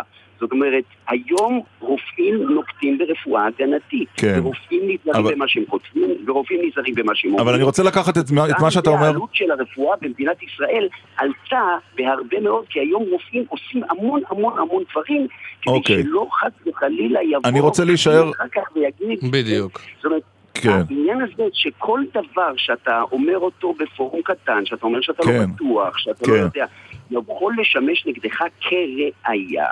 אז זהו, ש- הדבר הזה יש לו אפקט. אז זהו. עורכת הדין לימליך, אה, בהמשך לדברים של פרופסור ולד, זה לא צריך להגיע לבית המשפט. זה יכול להיות פוסט בפייסבוק, שיכול לגרום לחבר כנסת להתפטר מתפקידו, זה ממש לא הליך פלילי או הליך משפטי. וגם אין התיישנות, הנה, לפני 36 שנה מביאים, ל- לא, 43 שנה, מביאים איזה מתלוננת נגד הילרי קלינטון. אז בואו נעשה סדר. כן. אתם, יש האזנת סתר, יש האזנת סתר אסורה. האזנה אסורה זה האזנה ללא הסכמה של אף אחד מבעלי השיחה. נכון. זאת... אוקיי, אז זה הדבר הכי פשוט וזה... אנחנו לא שאלה- מדברים על המקרים האלה, אנחנו מדברים על מקרים שהיה שותף לשיחה, ובסוף הוא או מי מטעמו גורמים לפרסומה. אז מה הבעיה? לא, למה, לא. למה הציבור לא יכול לדעת על זה שיש טענות נגד הילרי קלינטון, יש טענות נגד, נגד בעלה של הילרי, יש טענות נגד טראמפ. א- א- א- אני מסכימה, בוא נגיד ככה, אני מסכימה עם פרופסור יובל ב- ב- בכמה עניינים, אבל אה, העיתות אה, השתנו, הזמנים השתנו, אנחנו לא יכולים לחזור אחורה לימי אה, אה, ברנסטין ווודוורד להכניס דברים, אה, פתקים מתחת לקדים. אני, אני חושב הפוך יש- אגב ממה שאמר פרופסור יובל, שאנחנו להפך, אנחנו כבר לא בתהליך של משפטיזציה, אנחנו בתהליך הפוך. הנה, דונלד טראמפ נפל לא על אה, עניין משפטי, נפל על עניין... עוד לא על נפל. לא, לצורך העניין, כן, אה, נפל בסקרים. על, על, אה, על הקלטה שבה הוא מדבר. ויש שזה- גם פוליטיקאים ישראלים שנפלו על העניינים האלה. וזה בסדר גמור, וזה בסדר גמור. רק שנייה רני. שנייה רני, שנייה, רני, שנייה רני. רגע, אני רוצה להגיד, זה בסדר גמור שהחשיפה הזאת גורמת לאיזשהו הד ציבורי לטוב ולרע. אם פוליטיקאי, אני לא מדברת על אה, אימא שלי שאמרה משהו, אלא אני מדברת על פוליטיקאי, על איש ציבור, שאמר משהו לפני 40 שנה, ראוי שנדע מה הוא אמר, גם לפני עשר שנים, וראוי גם אם שומעים אותו מדבר עם מישהו, שנדע על מה הוא מדבר, או מה הוא אומר. זה, זה, השאלה בסדר לתת גמור. אותו מעמד לדברים שנאמרים בעימות, לדברים שנאמרים בפגישה פוליטית, ולדברים שנאמרו באיזה שיחה לפני 12 שנה ב... זה בדיוק העניין, אז בוא נעשה, אז. אפשר, אה, אפשר אה, לעשות מדרג, אפשר לעשות איזשהו מדרג, אבל, ועדיין יש לזה חשיבות. עכשיו, דווקא אני חושבת שהדברים שנאמרים אה, בעימות פוליטי הם דברים מדודים שנח- שנאמרים בצורה מאוד אה, ביקורתית ו- ומדודה, ו- וכשהוא יודע שכולם שומעים כן. ויש לו מה להפסיד. לעומת זאת, דברים שנאמרים בארבע עיניים, בשש עיניים או בפורום, איזשהו פורום סגור, יש לו חשיבות אולי גדולה יותר, משום שאז ולא הוא חשוב אומר מתי באמת נאמרו, גם אם. נאמרו לפני שנים על גבי שנים, נכון רני? לא, לא, לא, יש לזה אני חשיבות, רוצה בוודאי לומר, שיש לזה חשיבות. יסלחו. לי, כן, ידידיי המלומדים אה, שנמצאים ב- בשיחה, אה, אני רוצה להקדים ולומר שאם למשל אה, מועמד לנשיאות מפרסמים כרגע מה הוא אמר לפני 30 שנה, 20 שנה או 10 שנים, זה דבר מאוד משמעותי ומאוד חיוני, כי הוא עומד להיות האיש החשוב בעולם. אבל אני רגע רוצה לקחת אותנו טיפה אחורנית. אני חושב שבשש שנים האחרונות, בשבע שנים האחרונות, אנחנו ערים למצב שבו פרקליטים משתי צדדים מדליפים אה, אה, כתבי אישום או כתבים מתוך חדרי חקירות או כל מיני דברים כאלה, וזה לא הפרקליטות, אלא זה, זה עורכי הדין משתי הצדדים עושים את זה. מאיפה אתה יודע, אה, מה שנקרא... אין מה לעשות, את יודעת, אנחנו כבר 30 שנה במקצוע. אז אני אה, חולקת לך, זה לא נכון. את, את חולקת עליי, ואת עוד מהצדיקות באמת, אני לא אומר את זה בסגי נאור, אלא באמת... אנחנו בעידן של צדיקים כזה בחוקים. רני רהב, יכול להיות שפערי... רני, יכול להיות שפערי... רני, רני, רק שנייה, יכול להיות שפערי ההשקפה בינך לבין ליבליך ויובל... הם נובעים מהעובדה שגם אתה נכווית, גם בהקלטה ההיא בזמנו של שרון שפורר שהתנצלת לא, עליה, לא וגם איי.די.בי, לא, שהמשטרה הקליטה אותך. אני רוצה להסביר לך משהו. Hey, תראה, ברגע שאתה נחווה, אתה מבין את המשמעות. אבל לי אישית זה לא פגע בחיים או פגע בסדר יום, אבל זה בפירוש דבר מביך שאתה מדבר עם פלוני אלמוני והכל מוקלט, וביום מן הימים פתאום מוציאים את זה החוצה. ומאז אתה מדבר okay? יותר בזהירות? לא, אני מדבר אותו דבר, ואני מדבר מה? באותו... טילי רעל? מבטיח טילי רעל? אמרתי לך עוד פעם, כל עוד אתה לא עובר על החוק... אז זה לא מעניין אם מקליטים אותך או לא לא, לא נכון, מה, אתה נפגע... שזה נעים... למה? חטפת חזק ש... לא. אבל אני חושב, אני חושב שברגע שתהיה עקיפה בעניין, ושרת אמור לקבוע? והשר לביטחון פנים ייתנו את הדעת על העניין הזה. בעניין הזה צריך להגיע לאיזשהו סדר. אי אפשר כאן לעשות כן. מערב פרוע בנושא קלטות, ואי אפשר לעשות כאן מערב פרוע בנושא הפצת קלטות. אנחנו ערים אה, להפצות אה, שנגעו ב... ב בשדרניות אה, רדיו או טלוויזיה, דברים מזעזעים אוקיי. בחברה הישראלית. למה? כן. מה קרה? כאילו אדם בסוף היום צריך גם שיהיה לו את החלקת האלוהים הקטנה שלו, הפרטית שלו והאינטימית כן. שלו, כל עוד הוא לא פגע בביטחון המדינה, או חלילה אה, לא עבר על החוק. כל משפט... עוד, אני אומר עוד כן, פעם, כן, אם כן. מישהו עבר על החוק או פגע בביטחון זה... המדינה, בוודאי שצריך לפרסם את זה. אז בשביל זה יש חוק, רני, רגע, לא צריך לתקן אותו. גברתי ואדוני, יש חוק. משפט, כן. משפט אחרון לפני שאנחנו נפרד. לא, לא, לא, לא, לא. אנחנו אחר כך אה, טוב, פרופסור יובל, משפט הסיום שלך. פרופסור יובל, עכשיו אנחנו שומעים. אתם שומעים אותי? עכשיו כן, משפט סיום. גם במוצאך מלך אל תקלל, ובחדרי משכבך אל תקלל עשיר, כי עוף השמיים יוליך את הכל, ובעל כנפיים יגיד דבר. שמע, אתה עמוס ציטוטים מהמקורות הבוקר. וואו. חביבי, רק להראות לך שזה לא דבר חדש. כן. צריך מאוד להתנהג כשמקללים מעניין. תודה רבה לשלושתכם, עורכת הדין טלי ליבליך, רני רהב, איש יחסי הציבור, פרופסור יורם נובל, הפסיכיאטר. תודה רבה. היה מעניין לשוחח איתכם. חג שמח לכולכם. כן, מעניין. כן, מעניין. יש לי רושם שאנחנו נידרש לסבב הזה. אגב, זה, זה, זה נהיה יותר ויותר נפוץ, כי יש יותר ויותר דרכים קלות להקליט. להקליט. פעם היית צריך לסחוב על עצמך. אתה יודע שיש הרבה אנשים, יותר ויותר, למשל בפוליטיקה, ש... לא, שלא מאפשרים להכניס טלפונים סלולריים כן. לפגישות איתם, כדי כן. שלא יקליטו. נכון. עכשיו, עשר קצת דקות אחרי הזמן. לפני עשר, זמן שיחה בהפתעה, בוקר טוב, לך, לך או לך. או לך. בוקר טוב.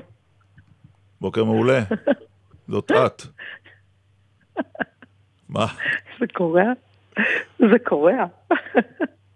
וואה. מה כל כך מצחיק? בדיוק, רק אמרנו בוקר טוב. היינו יכולים לומר את זה אחרת? זה נורא מצחיק אותי שמעלים אותי לקו ולא יודעים מי אני. ג'ודי? לא, מה פתאום, ג'ודי כבר הייתה. לא. איפה אנחנו, רגע, טוב, אנחנו... איפה את נמצאת עכשיו? איפה את נמצאת? בבית. היכן הבית? בעופרה. היכן הבית? ברמת גן, למה בעופרה? אוקיי, רמת גן. זה לא ג'ודי? טוב, גם ג'ודי. לא, זה לא ג'ודי. הייתה כבר ג'ודי בשיחה, לא חוזרים פעמיים, למרות שזה נשמע לך... למה זה מפתיע אם תהיה פעמיים? את עוסקת בתחום התקשורת? כן. אה, יפה. בטלוויזיה? גם. וברדיו? לא. לא ברדיו. יכול להיות שבעלך הוא מאמן כדורגל? כבר לא. כבר לא מאמן, כן, כבר לא בעלך, נכון. צופית גרנט, מה, איך אתה לא מזהה? לא זיהיתי. מה, לוקח אה, כמה שניות. כל הכבוד. לא זיהיתי. אבל מה היה כל כך מצחיק? בדיוק. לא יודעת, סתם הצחיק אותי פתאום אחרי השיחה הרצינית הזאת שהייתה לכם, שאני לא יודעת על מה היא הייתה. אה, על הקלטות, נורא כן. הצחיק אותי פתאום שמעלים אותי לקו ולא יודעים מי אני, וזה איזה מין משחק כזה פורים. אותי. אצלנו פורים צופית גרנט כל השנה. כן, אה? כן. מה- שלומך בימים זהו, אלה? קצת לצחוק, מה? אני בסדר גמור. עובדת קשה. במה מה עכשיו עונה חדשה של אה, אבודים? לא, אני ממשיכה להצחיק אתכם, אה? כן, לא, לא, לא. גם עונה חדשה של אבודים, כן. גם עונה חדשה של אבודים, שהולכת מאוד מאוד קשה. איזו עונה זו ממש- במספר? שלישית? שמונה? שמונה? שמונה. תגידי, אה, איך- זה עובר מתחת? לרדאר באמת? זאת סדרה מאוד מצליחה, אה, ועדיין איכשהו היא לא, כאילו, לא קיבלה את. היחס של, אה, לא יודע, תוכניות ריאליטי וכולי. קודם כל זאת לא תוכנית ריאליטי, זה לגמרי נכון. דוקומנטרי, וב' אין ממנה המון, כלומר אם אנחנו מצליחים להביא שמונה תוכניות בשנה של prime time, שב-90% מהתוכניות אנחנו מעל 30% רייטינג, ותוכניות, מעל 30 אחוז רייטינג? כן, מדהים. רוב התוכניות. 80, אה, 80, מעל 80 דקות בדרך כלל. חשבתי שכבר אין היא תוכניות תוכנית, כאלה אה, היום. היא תוכנית מאוד איכותית, מה- תוכנית באמת מאוד איכותית. מה היה הפרק, מה היה ו- הפרק שהכי נחרט ב- בזיכרונך ב- בשמונה, ב- בשבע העונות הקודמות? יש כמה, גם. שני הפרקים על המרוקאים היו פשוט מטורפים, כל העשייה סביב המרוקאים הייתה מאוד מעניינת. שמה היה שם? גם הפרק שאני נסע... נסענו למצוא אחות שנשארה מאחורה לפני 60, זה, היום זה כבר 65 שנה, מהמם. אבל אז זה היה 62 שנה, והיא נשארה מאחורה כי... כי הלכה אחרי בעלה והתנצרה בעצם, ובתוך כדי תנועה גילינו שיש עוד אחות שלא מדברים איתנו עליה, מהמם. כי היא התאסלמה. ואז חזרנו אה. חזרה למרוקו וחיפשנו אותה ומצאנו גם אותה. תגידי, אבל בעולם היום ובת- ש- ש- ש- שכולנו נמצאים בפייסבוק והכל נמצא במרחק נגיעה, באמת צריך את התוכנית? לא מדבר מבחינת רייטינג ו- איך לא ובידור. מתאים לך לשאול כזאת שאלה? למה? למה? שאלה טובה לפי להפך, דעתי. אחת, שמע, זה ממש לא שאלה, זאת שאלה מצחיקה. למה? כמו שאין תוכניות דש עם שיר ב- ברדיו נניח. כי כבר לא צריך למסור דש. העולם הוא לא באמת, העולם הוא לא באמת כפר גלובלי קטן. יש כל כך הרבה אנשים שאין להם נגישות, כל כך קשה למצוא, תקשיבו, אני צריכה להגיש בינואר שמונה תוכניות, שבע תוכניות. מהמם. שש תוכניות, אלף מאות אנשים פונים אלינו, אנחנו בקושי מצליחים לאתר. באמת? מה, הם לא מצליחים לאתר ואומרים אתם תמצאו שפ"ע. לנו? אין, לא מצליחים לאתר, אנחנו לא מצליחים לאתר אנשים, זה קשה בצורה בלתי רגילה, זה בלתי נתפס כמה שזה קשה. זה מזכיר לי זה- גם שבערי... העולם הוא לא כפר גלובלי קטן, גם בעיקר כשאתה מת... למה אמרתי לך שלא מתאים לך לשאול? כי, הש... כי העולם, אי אפשר להתייחס אליו רק מהפריזמה שלנו. יש ארבעה מיליארד איש שהם מתחת לק- לקו האדום, כלומר, יש, יש מיליונים שאין להם אינטרנט, שאין להם נגישות, גם אם יש להם איזה טלפון קטן שהעולם המערבי זרק אליהם, הם עדיין לא מחוברים ולא מרושתים, יש אנשים ש, שמסתובבים בכפרים, יש אתיופים אבודים לחלוטין עד היום, יש בכלל אנשים באפריקה אבודים, בכל אפריקה. היה פעם אני. אני רוצה להזכיר כן. ש... אני רוצה להזכיר שבתחנה המתחרה לנו, שלא נזכיר את שמה, ישנה פינה של ירון אנוש שחידש אותה לפני שנים אחדות, המדור לחיפוש קרובים, כמו שהיה פעם בשנות ה- שנות ה-50, והיו אליו לא מעט פונים למרבה ההפתעה והתדהמה שלי, כך שזה קורה גם במקומות אחרים, ב... למרות הפייסבוק ולמרות הרשתות החברתיות. זו עובדה. א', אנחנו גם לא הולכים על הדברים שהם הכי obvious. כן. אנחנו לא הולכים לכל, אה, אה, אני יודעת מה, ילדה אתיופית שלא ראתה את אבא שלה 20 שנה. או ילדה אתיופית, ילדה אה, רוסיה שאבא שלה נעלם לה במוסקבה. כלומר, אנחנו גם מחפשים סיפורים שהם טיפה יותר מורכבים, יש בהם אג'נדה משמעותית, זה, אבל זה עדיין נורא נורא קשה לעשות את זה. אני יכולה לספר לכם סתם אנקדוטה.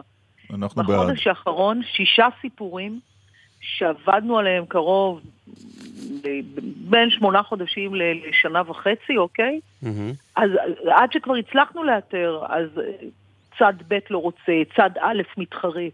זו תוכנית נורא נורא קשה, באמת. כל הזמן יש איזושהי אחריות היה ש- פרק שלא שידרתם פעם? שלוקחים בתוך הסיפור. אה, היה פרק אחד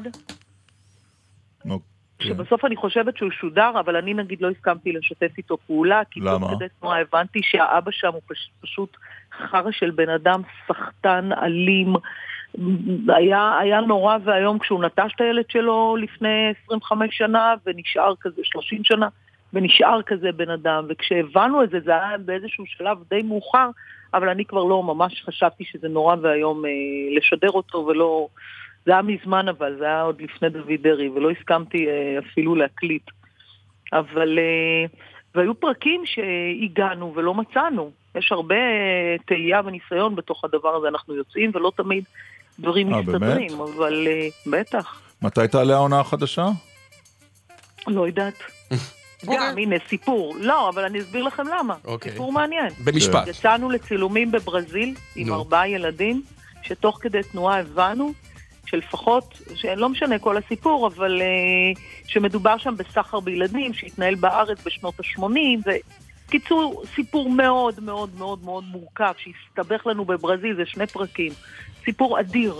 אבל עכשיו, כאילו, אחרי שהוא כבר נכנס לחדרי עריכה וכמעט גמור וזה וזה, פתאום הוא צריך לעבור בבתי משפט. עכשיו, לבתי משפט יש חוקים משלהם. זה נכון. הם יכולים לגרור אנחנו- אותנו גם שלושה ארבעה חודשים. צופית גרנד, גם- נגמר לנו הזמן, את מכירה את זה.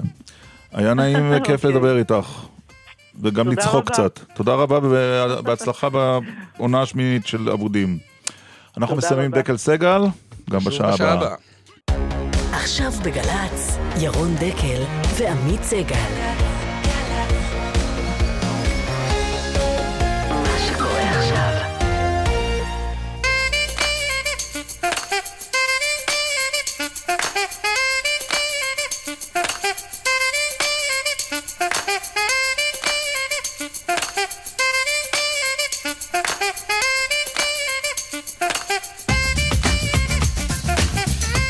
בשעה השנייה, דקל סגל, אה, גלי אלזשווילי, טכנאית השידור.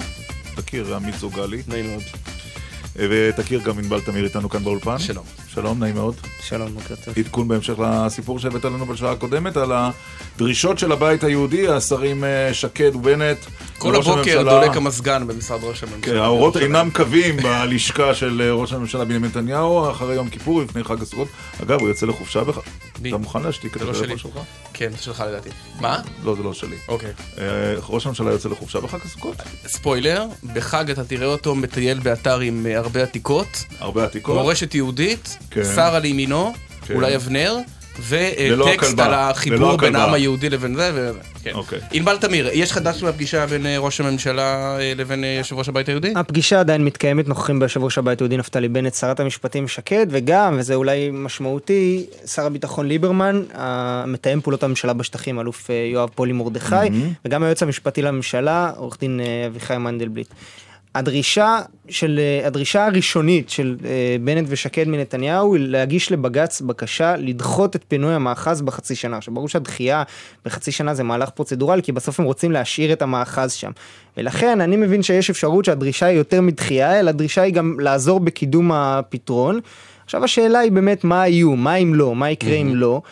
קיימת אפשרות ככל שאני מבין שהאיום הוא שאם לא, כלומר אם ראש הממשלה נתניהו לא יענה לפתרון, אם הוא לא יתבע דחייה מבג"ץ. כן, אז כן, מה יקרה? אם לא אז- יתבע דחייה או פתרון, אז הם אז- יעלו את חוק ההסדרה ויתמכו בו. אבל אין לו רוב לחוק גם כך.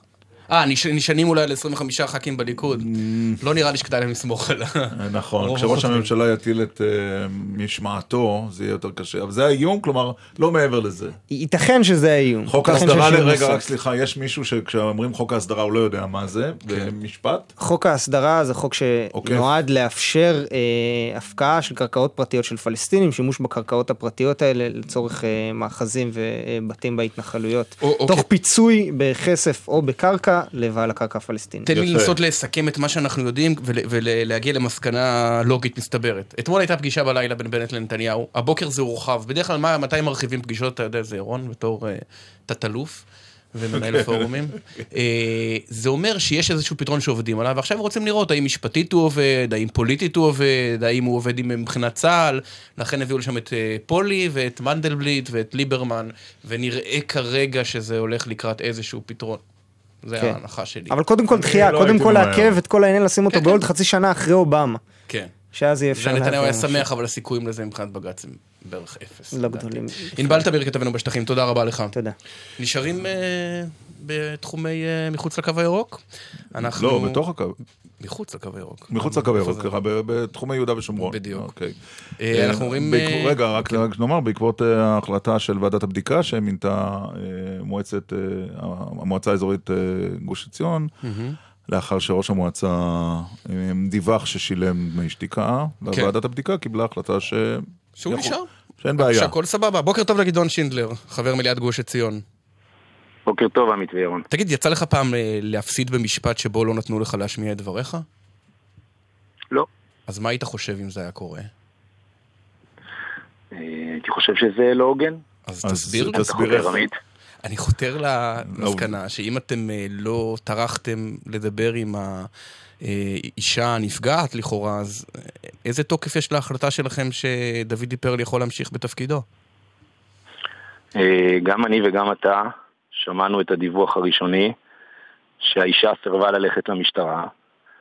היא לא רוצה לדבר עם אה, אה, מחלקת החקירות, היא לא רוצה להגיש תלונה, ואנחנו ניסינו, למרות הדבר הזה, למרות שמבחינה משפטית לא נפתח שום הליך, לבדוק האם בלפנים משורת הדין יש כאן איזושהי בעיה מורכבת שאנחנו צריכים להתמודד איתה, למרות שרשויות החוק לא נכנסו לתמונה. אה, אנחנו אה, שומרים על זכותה לחיסיון ובחירתה בדבר הזה, ומכבדים את הדבר הזה. כן, אבל איזה החלטה אפשר לקבל אה, כש- שנייה כשלא אחת, נמצאת? שנייה, כי אחרת אה, אישה לא תרצה להתלונן על הטרדה, אה, ואף על פי כן, אנחנו יודעים על אה, אנשים בודדים שיודעים במי מדובר, אה, והם פנו אליה, כפי שכתבנו במסמך, והמסמך מצוטט הדברים שנאמרו בפיה, מילה במילה. אני אוסיף עוד משהו. אה, אחרי שכתב אה, ערוץ 10, רועי שרון. פרסם שלא דיברנו בשמה. וכולי, אנחנו בדקנו את עצמנו עוד פעם. כן. אנחנו, הצוות כולנו, אה, בדקנו את עצמנו עוד פעם מול אותו גורם, שהוא היה הגורם המתווך. הרב צבי רימון, אפשר לקרוא לו בשמו. אני, אתה קורא לו בשמו, אני לא יודע מי הוא. הרב צבי. רימון, הרב צבי רימון, כן. אוקיי, בסדר. והוא חזר על הדברים שכתבנו בדוח. עם כל הכבוד למר אה, רועי שרון, ואני מכיר את הרב צבי רימון, אני בוחר להאמין לרב צבי רימון. אין לו שום מניעים של פרסום חוץ משלום בית ושלומה של המתלוננת, כיוון שהוא מכיר את שני הצדדים, וזו הבחירה שלנו. כן, אבל הרב יוסף צבי רימון לא אמר לה שהוא שליח של הוועדה. אם אני מבין נכון, הציטוט שהיא אמרה, זה לא איזה גרסה שהיא נותנת לפורום שבודק את העניין, אלא משהו שהיא אמרה בשיחת מסדרון לעובדת סוציאלית לפני שלושה שבועות. זאת אומרת, האם על סמך הנתון אתה- הזה, אתה- אתם יכולים להגיע למסקנה שהיא שהיא מסקנה מאוד בעייתית?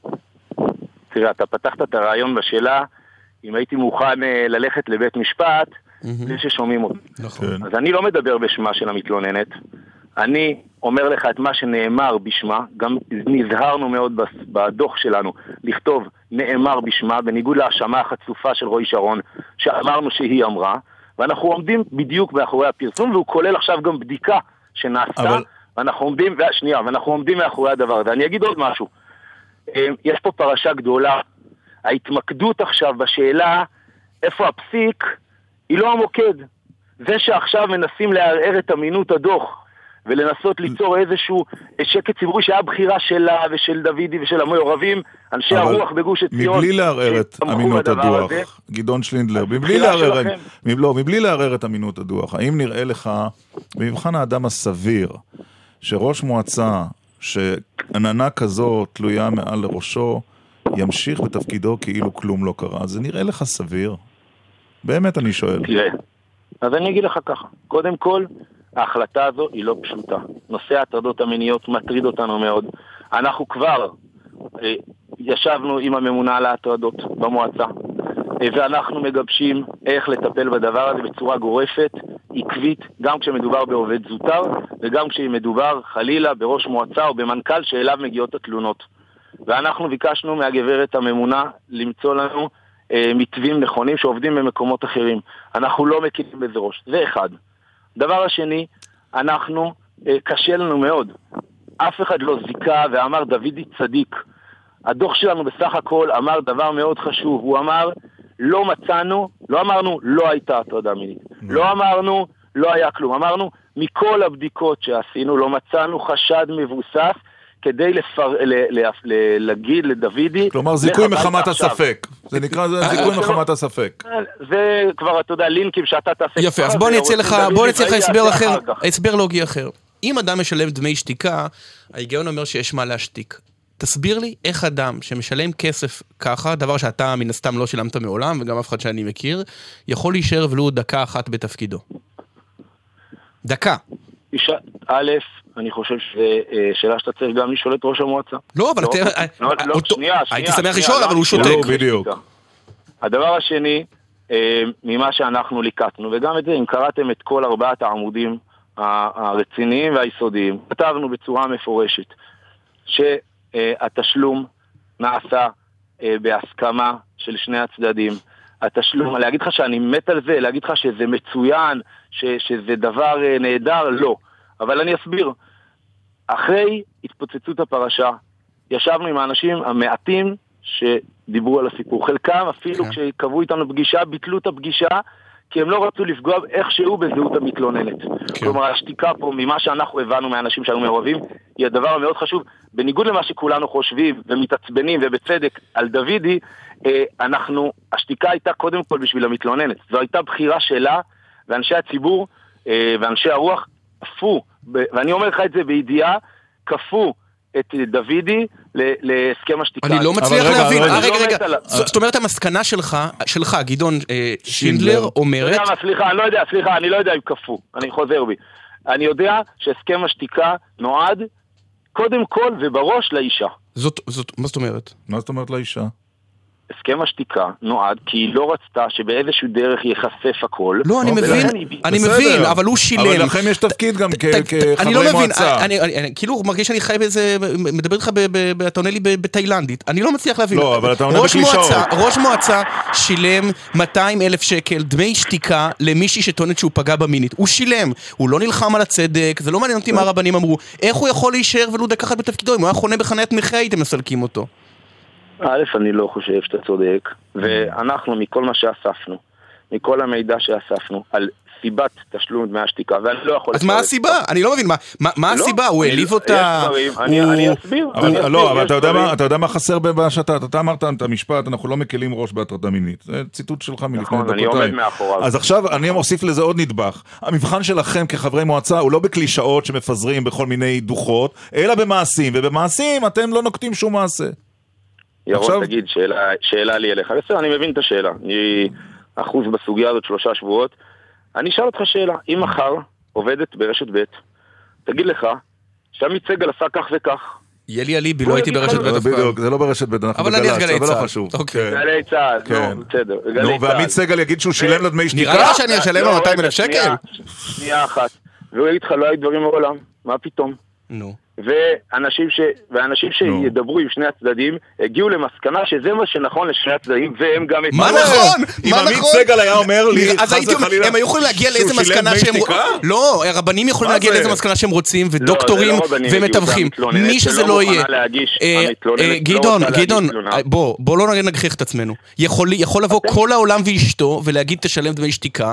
אם לא עשיתי כלום, אין סיבה שאני אשלם, אני לא מבין את. העניין. יבואו אליך ויגידו לך, אדוני ישלם, כי זה לטובת המתלוננת, אתה יכול להגיד להם, בניסוח כזה או אחר, תקפצו לי. אז אני, אתה מסכים, אני לא יודע מה היה שם. זה המציאות, המציאות של לימוד דמי שתיקה. עכשיו ההכרעה שלנו הייתה מה לעשות עם זה. מכל הבדיקות שאנחנו הגענו אליהם, ומכל האנשים שהיו מעורבים, הרבה יותר ממך ומירון ומשאר אני לא מצליח להבין. שנייה, שנייה, שנייה. גדעון, אתה היית משלם, אתה היית משלם כסף אם מישהו היה אומר לך תשלם 200 שקל למי שלא עשית לה כלום? אני שואל אותך. היית לא, משלם? אני לא. תודה רבה. לא. אבל מה זה קשר? יכול להיות שקרה שם משהו, אנחנו לא יודעים מה מהו, קרה? יש עליו שתיקה. אז אם קרה אני משהו לא שמצדיק- יודע. אבל אם קרה- של כולנו לדעת הוא גדול. אבל אם קרה הוא משהו ש- כרגע לא אפשרי והוא לא יקרה אף פעם, כי זו הבחירה של ראש המועצה ושל המתלוננת. ולך אין מה להגיד על זה. בעובדות- האלו של השקט, הדבר, השקט שנתבקש על ידי שני הצדדים, אנחנו צריכים היינו לפעול. ואנחנו עשינו את כל הבדיקות, וכך פעלנו, ואנחנו פעלנו באחריות ובתום לא לב, פעלת- ולא רצינו, ולא רצינו לבטל ולגרוס את המושג חזקת חפות של אדם. אני לא, מה זה. לגרוס חזקת חפות? אני, יש הבדל בין חזקת החפות הפלילית לבין העובדה שאדם שמישהו מחזיק אותו במקום רגיש, והראיה שהוא שילם 200 אלף שקל, לא יכול להמשיך לייצג אתכם? מה, מה, אני לא מבין, אני לא מבין את אה. הדיון בכלל, זה, זה נשמע לי כל כך מופרך. גדעון, אם היו מציעים לך לשלם 200 אלף שקל למישהי שלא עשית לה כלום מימיך. היית מוכן? כן או לא? אה, אני לא ראש מועצה. אני שואל לא, אם אתה, כן או לא? גם אם היית ראש מועצה, היית לא, מוכן אבל אני לשלם? רוצה להסביר לך, אתה אולי כן, מבינים את סדר הגודל של אה, מה זה אומר אה, שמו הרע של ראש מועצה או שמו הרע של עמית סגל. בשבילך 200 אלף שקל, תאמין לי, היית משלם את זה בכיף, בח- בשביל לא לקלקל... אם הוא לא עשה כלום? את ואז תבוא. אישה שנייה. לא מה? אם לא עשית כלום, לא היית משלם. אז למה שלא לא זה לעשר בדיוק. נשים? למה שלא נשלם לעשר אבל זה נשים? שקרה שם משהו. ואנחנו לא יודעים מהו, שנייה, זה שקרה שם משהו ואנחנו לא יודעים מהו, זה לא עילה בגלל שאני לא יודע להעיף אותו, אולי הוא רצח את, אה, גם את רבין, אני לא יודע מה הוא עשה, אין לי מידע מה הוא עשה, ובאי ידיעה הזאת בחרנו בחירה מאוד פשוטה, להיצמד לחזקת החפות, כן. ולא אה, להרחיק אתה לא מרגיש שאתם מחפים. אחד.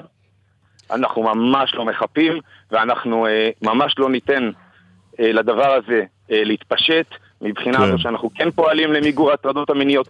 יש פה שני ערכים, שניהם חשובים, ומהבירורים שעשינו, הכרענו שחזקת החפות גוברת. רק אתם שאלה- לא יכולים כן. לסבור אחרת, ר- זה טוב. בסדר גמור. אגב, אגב, גם במליאת גוש עציון היו שסברו אחרת בהצבעה, וזה כוחה של דמוקרטיה, וזה כוחה של חברה מגוונת, ואגב, אמנם ברשתות החברתיות מי שצועק כל היום זה המתנגדים להחלטה, וזכותם, וזה בסדר גמור, כן. אבל רבים רבים בגוש עציון באו אליי ביום כיפור, ובשבת שלפני, כן. ובימים האחרונים אומרים לי, כל הכבוד לכם שהייתם אחראים. שאנשים לא יוכלו להרוג חיים של אדם אחר, בלי שהם הביאו ראיות. כן. אגב, טוב. גם פורום תקנה, שפועל לפנים משורת הדין, לא דרש ממנו לעזוב מיד. כן. הוא דרש ממנו לעזוב בעוד שנה ותשעה חודשים. כן. אז עד שאתם, אנחנו נתלינו באילן גבוה כי הוא לא. ידע. הוא לא ידע ששולמו, אגב, לא 200 אלף אלא 250 אלף שקל. אני רק מדמיין... עמית, עמית, אני רק... תבדוק את עצמך לפני שאתה אומר דברים. אני, אני, רק, אני. בדקתי, אני רק מדמיין את עצמי, אה, מדמיין את אה, דוד פרל מחלק חומשים לילדי כיתה א', אה, טוב. לא. מביך, לא נעים, אבל גם זה עם, אה, עם אה, זמן ועם אה, אה, מערכות אני מוכרח עוד, עוד דבר אחד. אני מוכרח עוד דבר אחד לפני שניפרד, גדעון שינדר. כל המהלך הזה שלכם זה הכל כדי שהדבר לא יצא למשטרה, לגופים חילוניים, אלא ייסגר בתוך החברה הדתית? מי זה המהלך שלנו? אנחנו השתתפנו במהלך הזה כן? מהיום שזה פורסם. אני לא מכיר את הסיפור הזה מהיום שנרקם ההסכם. אני שמעתי אותך, איתך ועם עמית ביום רביעי לפני שלושה שבועות. לא לערב גופים בערב. חיצוניים, זה מה שאתם לא רוצים. לא, הם לא רוצים, האישה- האישה מה זאת אומרת לא לא לערב? מעוניינת. איך אני קשור ללערב? אני פניתי ליועץ המשפטי לממשלה בבקשה שיתערב, שיגיד לי מה לעשות. אז איך אתה מאשים אותנו בלכסות את אני ש- הקשיים? אני שואל. אני אין לי שום עניין שדוידי יישאר במועצה או לא יישאר במועצה, שלא תתבלבל. אוקיי. אם דוידי עשה משהו חמור, אני אומר לך ואני אתראיין פה עוד פעם, אני הראשון שיבקש ממנו וידרוש ממנו וגם יצביע בעד, שילך הביתה. אין פה שאלה. אין טוב. פה עובדות שברור שהוא עשה משהו ואנחנו כן. יאללה חבר'ה בואו נכסה עליו. נכון. אתם קצת מתבלבלים, זה ספק מול ספק. בוא מילה נסכם מילה. אה, בחלוקים. מי פה התבלבל. אה, גדעון שינדלר, תודה רבה לך. חבר מליאת אה, מועצת גוש עציון. שלום לחברת הכנסת מיכל רוזין מרץ. שלום רב. מה את חושבת על מה ששמענו עכשיו? אני די נדהמת, אני חייבת לומר. למה? כי, כי אחד מהשניים, או שהוא באמת אה, הופלל שלא בצדק ושמו הושמץ, ובכלל הוא לא צריך, למה הוא צריך עוד אה, שנה ותשעה חודשים, שנה וחצי לעזוב את התפקיד? מדוע הוא צריך להסכים לזה אם לא היה דבר? לא רק לשלם את המחיר הכלכלי. נגיד יש אדם מאוד עשיר, אין לו בעיה לשלם 200 אלף, אני לא יודעת מה מצבו הכלכלי של דוידי, אומר אני מוכן להוריד ממני את הסיפור הזה, העיקר שיהיה שקט. אבל הוא מוכן לוותר על תפקיד ציבורי, הוא מוכן לוותר על קריירה ציבורית? אני הייתי שואלת בתור מי שנמצא שם ב- במועצת גוש עציון, אני הייתי שואלת, רגע, מדוע הוא מוכן? מדוע הוא מוותר? זאת אומרת שהבעיה העיקרית היא בעינייך אה, דמי השתיקה שהוא הסכים לשלם. לא, זה לא, אני לא חושבת שזה בעיה. תראה, מדי יום, צריך לזכור, מדי יום נסגרים ונסגרות במדינת ישראל הרבה מאוד אה, סוגיות של הטרדה מינית מהמם. אה, על ידי הסכמים של עורכי דין. כי זה אומר לא שהייתה הטרדה, לא? חריג. זאת אומרת, לטענתי, נכון. העובדה שהיו, נכון. העובדה ששול- שהוא שולם כסף בתמורה לסגירת פרשה כזאת, מעידה בעינייך כאלף עדים שהיה שם הטרדה מינית. בוא נאמר ב-99% מהמקרים, אני לא חושבת שאדם ישלם, ואתה תיארת את זה מאוד יפה, בוודאי אם מישהי תבוא היום ותטען שאתה הטרדת, אתה לא מיד תשלם לה, בטח לא סכום שכזה. אה, אני מזכירה לכם שהיה פה תהליך ארוך גם מול פורום תקנה. ולכן רק אה, כדי לחדד, עצם העובדה שאדם שילם דמי שתיקה, בעינייך פוסלת אותו מכהונה ציבורית. קודם כל היא מחשידה. היא כן. מחשידה אותו. דבר. שני, אני בהחלט, אני בהחלט סומכת, ואני חושבת שיש יתרון לחברה הדתית על החברה החילונית בעניין הזה. אני סומכת על פורום תקנה, על האנשים שיושבים שם, אוקיי. זה אנשים שעברו הכשרה, שיודעים מה הם עושים, ואני סומכת עליהם שכאשר אבל- מגיעה אליהם עדות, הם יודעים אה, אה, בהחלט... יפה. אה, אבל דמי זה- שתיקה זה זה משהו שפוסל אדם מ- מתפקיד כהונה ציבורי. תשלום דמי שתיקה. באופן כללי, אני, כן, כן. אני חושבת יפה. שאדם עכשיו- שאלה. על מנת להסתיר משהו שהוא עשה או לא עשה, יש עם זה בעיה. אבל אמרת, אמרת דברים נכוחים, אמרת דברים נכוחים בעבר- שמחזירים אותנו ל-10 ביוני 2014. ואז זה פחות הפריע לך. כאשר מיכל רוזין וחבריה למרץ מצביעים בעד מועמד לנשיאות ששילם דמי שתיקה. מה, לראש. מועצת גוש עציון הוא לא יכול להיות, אבל נשיא מדינה כן? אני מסכימה איתך. אני מסכימה איתך, אני חושבת שזו הייתה טעות. אני חושבת שאם היה אה, בפנינו את העובדות שהיו ערב ההצבעה, לא בטח הייתי שהיו, רגע, רגע, ידעתם. ידעתם. הפרסום בערוץ 10 אז אז היה. שבועיים לפני הנשיאות, נכון, בטח ראית היה- ערוץ 10. נכון. או עודכנת. ואנחנו- אני שוב אומרת, קודם כל כפוליטיקאית, אני אומרת, עשינו טעות, אני עשיתי טעות, ובהחלט אני אה, אה, עד היום אה, מצרה על כך. אני אומרת שוב, אנחנו גם אחרי הפרסום אה, קיבלנו במרכאות אה, הוכחות או שלא הוכחות, אה, כמובן שהן לא היו הוכחות או לפחות שקריות, על כך שלא היו דברים מעולם. אה, אני מודה שלא אה, היה לנו את הזמן ואת היכולת לבדוק את הדברים עד הסוף, וטעינו. אה, חד וחלק, טעינו. יש לנו נשיא נפלא, הוא עושה דברים מצוינים, אני גאה בו, אני גאה שהוא הנשיא שלי, וזה בסדר כפוליטיקאי. על זה נאמר, אה, עמית, נדמה לי, מודה ועוזב ירוחם, כן, לא? כן. אה, טוב, חשבנו להמשיך יותר בעניין הזה של ההצבעה שלכם, אבל... אבל היה אה, מעניין. כן. קלקלת לנו עם ה- הבעת החרטה הזאת. המיידית רוזין. והמוחלטת, צריך לומר, חברת זה לא הכנסת רוזין. היית חייבת להילחם בדיוק. יותר. לא, היית- יכולה... לומר- אה? כן. טוב, אבל אולי... אני רוצה רק לומר עוד כן. משפט אחד, בטח. בבקשה. אה, לעניין הזה של דוידי. תראו, יש פה, אנחנו כל הזמן חוזרים לעניין הפלילי. קודם כל, אה, ועדה ציבורית שממנה את עצמה לבדוק האם היה או לא היה, קצת אה, נשמע לי הזוי, בוודאי אחרי הסכם אצל עורכי דין וליווי של פורום תקנה בתחילת הדרך של העניין. אני חושבת באמת שבוודאי כאשר מדובר בנבחרי ציבור, ולכן אני גם הודיתי בטעותי בעניין שטרית. כאשר מדובר בנבחר ציבור, המבחן צריך להיות כבד יותר, ואחריות ההוכחה היא עליו. ואני חושבת שאנחנו לא יכולים להתחבא מאחורי הליכים פליליים ומאחורי כל מיני, הוא אמר... מאחורי. הפורמליסטיקה, נכון. חברת הכנסת. מיכל רוזין, אה, תודה על השיחה הזו, וכפי שאמרנו, מודה ועוזבת ירוחם. גמר חתימה טובה. גמר חתימה כמה טובה. תגובות יש. נקרא אותם אחרי החצי? אחרי החצי, כי ל- אנחנו ממהרים לטראמפ. כן. איתנו על הקו. מעניין לעניין האמת. מעניין כן. לעניין, באותו עניין. אה, אלון פינקס, לשעבר ניו יורק, יאקי דיין, לשעבר לוס אנג'לס, בוקר טוב. בוקר מצוין לכם. טוב, לא צריך כמעט לשאול שאלות. אלון פינקס, בבקשה. תשמעו, אה, אני לא מומחה לתקיפות מיניות ועבירות מין ומה זה עושה וכמה זה היה ברור וכן ידעו ולא ידעו. אה, וגם לפני הקלט, גם לפני ההאשמות האלו, גם לפני העימות השני המטופש וגם לפני אותה פרסום אותם דברים שהוא אמר באוטובוס, אלקטורלית, ואני אומר לכם את זה כבר למעלה מחצי שנה, אלקטורלית הוא מצב, הוא במצב אה, בלתי, שבלתי ניתן להתגבר עליו. בלתי ניתן להתגבר עליו? לא זה- יכול. אבל- זהו אבל- זה? אבל- אבל... אה, וואו. פינקס, זה- זה- רגע, זו- זו- יאקי דיין חושב גם ככה? בלתי ניתן ארבעה שבועות, לא ניתן להתגבר עליו. בוא נאמר שיש שבעה פלאי תבל, תוכלו להכתיר את הפלא השמיני אם טראמפ יצליח להתגבר על הבור העמוק שהוא נמצא בו, זה באמת יוצא דופן. אני חושב שכל העיתונים רצו לכתוב היום, הכותרת הייתה רק ארבע נשים התלוננו נגד טראמפ. הוא נמצא בבור עמוק, אבל, יש כאן אבל קטן אחד, ויקיליקס בינתיים מוציאה דברים שמביכים את קלינטון, אבל הם לא משנים את התמונה. אין שום דבר שנקרא באנגלית Game Changer, שהוא משנה.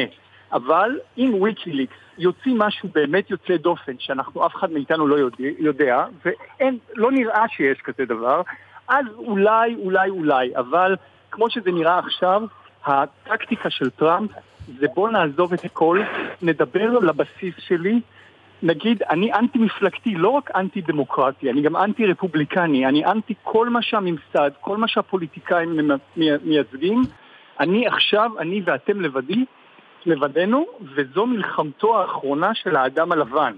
כי האדם הלבן אה, מאבד שליטה על ארה"ב וכשהוא מדבר במונחים אפוקליפטיים של חורבן, של דאעש משתלט, mm-hmm. הוא בעצם מתכוון לזה שאמריקה משנה את פניה והאדם הלבן זה הבחירות האחרונות שהוא יוכל אולי לשחק תפקיד משמעותי, כי אחרי זה יהיה לו הרבה יותר קשה. אבל השאלה אם את כל זה לא ידענו ביום שבו זכה טראמפ במועמדות, זאת אומרת, הבעיה הדמוגרפית החמורה שלו הייתה קיימת ברגע שהוא נבחר והיא לא השתנתה. ידענו את כל זה. נו, אז איזה סיכוי היה לו מראש? נו, נו, אז איזה סיכוי היה לו מראש? אבל אתם בשביל להפוך את זה למעניין. בשביל להפוך את, זה, את התוכנית למעניינת, אתם כל פעם התווכחתם. הבנתי. הפגעתי, נעלבתי, בלעתי את זה. לא, אבל, אני, אבל אתה לא הסכמת, היית מאוד זהיר, אה, פנקס, אמרת שאתה... אני עדיין, לא, לא, לא, תקשיב, אני אגיד לך, אני אגיד לך מדוע הייתי זהיר. לא מהפחד לטעות, אין לי פחד לטעות, אני, אני גם, לא אני ולא יאקי, אני מדבר בשמו. אנחנו לא חזאים של בחירות, אנחנו יודעים לנתח את uh, מה שקרה אתמול והיום, אנחנו לא יודעים מה יהיה מחר. תראו, הדמוגרפיה פעלה נגדו מהיום הראשון. השיטת בחירות בארצות הברית של המדינות והאלקטורים והדמוגרפיה בתוך אותן מדינות אה, פועלת נגדו. הייתה הנחה שבגינה או בזכותה הייתי זהיר יותר. הייתה הנחה שאחרי שהוא ניצח את הפריימריז הרפובליקאים, בדיוק כפי שאמר יאקי, כאנטי מפלגה, אנטי ממסד, אנטי אווירה קיימת, אנטי אמריקה והכיוון שהיא הולכת אליו, בהסתייגות אחת מהדברים של יאקי, אני חושב שזה לא האדם הלבן, אלא הגבר הלבן, במיוחד זה, זה ללא תואר אקדמי, אבל זה לא חשוב כרגע. הוא הלך נגד כל מה שאנטי של הזה. ההנחה שלנו הייתה, שלי הייתה, של הרבה אחרים הייתה, שבבואו לנהל מצע בחירות נשיאותי, ובידיעה שהדמוגרפיה והגיאוגרפיה נגדו, הוא, הוא טיפה ישנה את דרכיו, טיפה ימתן את המסר שלו, גם אם לא ישנה את אופיו, כי זה אדם בגילו לא יכול. כן. והסתבר שבדיוק ההפך, הוא הולך אך ורק לבסיס שלו, והבסיס שלו, חברים, פשוט לא מספיק. אגב, זה בסיס שהרבה אמריקאים מתביישים להודות, אה, אה, mm. כתב היום מישהו, ב, לא זוכר באיזה עיתון, נדמה לי בוושינגטון פוסט, שיותר משלמדנו על טראמפ בחודשיים האחרונים, למדנו על אמריקה בחודשיים האחרונים. כן. וזה נכון, אה, יש 40, בין 40 ל-45 אחוזים שזו אמריקה שלהם. זאת אומרת שבמובן מסוים... יש... כן, סליחה יקי, כן. יש, יש שני אלמנטים שעדיין משחקים לטובתו של טראמפ, בואו לא נהרוג את הכל. ואחד, זה העובדה שמתעבים את הילרי קלינטון. הילרי קלינטון היא מועמדת מתועבת, mm-hmm. לא רק על ידי הרפובליקנים, על ידי רובם, אלא גם על ידי הדמוקרטים. זה דבר ששיחק לטובתו של טראמפ. הדבר השני זה אותה תופעה גלובלית בגלובליזציה, מה שראינו קורה בברקסיט. העובדה שבאמת יש אחוז גדול מכל ההון שלטון, מכל מה שהשילוב הזה מייצג, מכל הפוליטיקאים הוותיקים, ולכן לא במקרה טראמפ הצליח לנצח 16 מועמדים אחרים, מהם ארבעה מושלים וארבעה סנטורים, כן. עם הרבה עוצמה, כוח וכסף. זאת אומרת, בואו לא נשכח את הדבר הזה. כן. ועדיין הילרי קלינטון היא מועמדת צנועה, רק טראמפ הוא באמת צנוע הרבה יותר. לכן אני אומר, וגם הקלטת הלוהטת, זה, זה כמו שאנחנו אומרים, טוב מראה עיניים או משמע כן. אוזניים, מאשר ויקיליקס, שאנחנו רואים אימיילים שכתובים, אז, אז 99% מהאנשים גם לא טורחים לקרוא את אותם אימיילים. נכון. אין, אין קריאה של אותם אימיילים. ולכן, אם אנחנו נראה משהו, משהו משמעותי, אולי, אבל זה נראה באמת, כל, ה, כל הדמוגרפיה וכל האלקטור, כל שיטת האלקטורים כל כך פועלים נגדו, והעובדה שהוא עכשיו באמת כבר משולח כל רסן, ואנשים אומרים, רגע, אולי באמת האיש הזה לא מתאים להיות נשיא, הוא לא חומר נשיאותי, מאוד מאוד מאוד מקשים עליו, ולכן אנחנו די מאוחדים בדעה שצריך לקרוא נס, נס יוצא דופן. כדי שבאמת טראמפ... מה גם שההצבעה למעשה החלה, זאת אומרת, יום הבחירות אה, נכון. הוא בעצם מעכשיו ועד שמונה בנובמבר, ולכן המצב בסקרים היום הוא לא רק סקרים, הוא גם אה, משקף מציאות אמיתית בקלפי כבר. אתה צודק מאוד עמית, נכון. וצריך לזכור שבבחירות הקודמות בין 30 ל-40 אחוז הצביעו בהצבעה מוקדמת. ככה שיש לזה, במיוחד במדינות שאנחנו רואים עכשיו את טראמפ מפגר בסקרים במדינות הצמודות, כמו אוהיו, פנסילבניה או אחרות, ברגע שיש לך 30-40 אחוז שכבר מצביעים עכשיו, זה משנה תמונה. יפה. טוב, אנחנו ניפגש כאן uh, עוד פעמיים. ארבע פעמים לא. הפעם, שבוע הבא אנחנו לא נמצאים חול המועד, אז אולי, אתם, אולי אתם תיפגשו בלעדינו, אגב. כן. ו- ובעוד שלוש פעמים עד הבחירות, אני חושב. אנחנו מקבלים שי לחג מגלי צה"ל, נכון? טוסטר. אה, לא. תלושי שי. לא? אה, טוסטר ודרגות... אנחנו הולכים לסודה סטרים. ודרגות רב נגד. אה, מי מכם יהיה ביום הבחירות בארצות הברית אגב, או שאתם צופים מהכורסה בסלון? אני אני אהיה בכורסה בסלון, אבל בניו יורק. אוקיי. אה, יפה. טוב, טוב לדעת. לא, לא סלון שלי, אבל כורסה כן. יפה. אבל איזושהי כורסה תהיה. אלון פנקס, אה, יקי דיין, אנחנו נאחל. לכם אה, חג שמח. תודה, חג תודה. שמח גם לכם. חג שמח. אנחנו נחזור לזה בעוד כמה דקות, כי יש הרבה אנשים שמצלצלים ומבקשים ורוצים להגיב. מגוש עציון, אה, אז אנחנו נחזור לזה. כמה. ציוצים אה, בינתיים, כאיש הציונות הדתית וכמי שמחנך את ילדיו שם, אני מתבייש, כותב רועי, באופן שבו פרשת דוד דיפרל מטופלת, עכשיו שיסבירו לי למה אני טועה. גיל כותב, וזה גדעון... לא רועי שרון, צריך לומר. לא, לא. גדעון אוקיי. שינדלר כותב, אה, גיל כותב, גדעון שינדלר מיטיב כל כך להתפתל, שווה לבדוק אם הוא בעניין של להחליף את נטע ריבקין בנבחרת ההתעמלות האמנותית. יעקב כותב, כן. מעניין איך זה שאף אחד לא מעלה את השאלה מהיכן יש לעובד ציבור שעבד רוב שנותיו במשרות ציבוריות 250 אלף שקלים. ומהצד השני, דוד כותב, למה שבן אדם ישלם ויעזוב תפקיד שהוא חף מפשע? מאוד פשוט. הפחד מציידי מכשפות שמתייצבים אוטומטית לצד אחד באופן גורף ומתאים את הדין. וחיים מעלה אפשרות מעניינת. כן, הוא אומר, מקשיב. יהודי שומר תורה ומצוות, שמקיים יחסים בהסכמה מחוץ לנישואים, לגיטימי שלא ירצה שיפורסם, ולגיטימי לשלם על זה דמי שתיקה, והוא לא עבר כלל על החוק.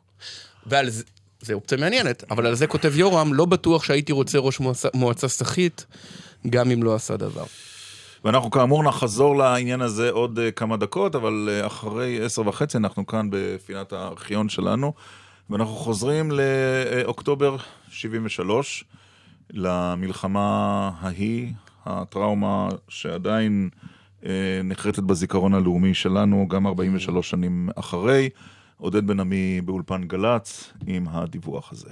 שלום רב לכם המאזינים, באולפן המשולב של שידורי ישראל וגלי צה"ל עודד בן עמי, ולפי שעה באמתחתנו שני עניינים. כאמור, בהודעת דובר צה"ל מלפני שעה, נמשכו בשעות הבוקר קרבות בחזית הסורית, ועד לשעות הצהריים הושמדו באזור זה כ-50 טנקי האויב.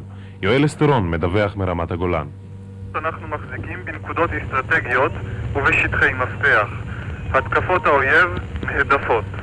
היום ממשיכות יחידות סוריות לנסות ולתקוף את כוחותינו. הכוח הסורי שניסה לתקוף נהדף ונמצא עכשיו בנסיגה. לסורים אבדות קשות בניסיון נפל זה. עוד אפשר לציין את פעילות כוחות הקרקע שלנו בהפלת מטוסי אויב. בירי מן הקרקע בלבד הפילו כוחותינו אתמול והיום מספר מטוסי אויב. טוב, הדיווחים האלה, איך אומרים, אה, היו האמת, אבל לצערנו לא כל האמת. זאת אומרת, כן. אה, נדמה לי שמחר, אה, 8 באוקטובר, זה אפשר להגיד היום הקשה ביותר בתולדות המדינה, נכון? נכון. כי זה היום שמתקפת הנגד נהדפת. ואז, נכון, ואז יש את המהפך. הדיווח הזה, אגב, הוא מ-15 באוקטובר 73. כן. אה, זה כבר שבוע אחרי, זה כבר תשעה יותר ימים מדויק. אחרי כן, זה כבר יום אחד, סליחה. אחרי- אה, אחרי פרוץ המלחמה. אה, זה משהו אחר. אתה יודע שכבר אה, אה, לפני ח- 13 שנה עתרנו ל...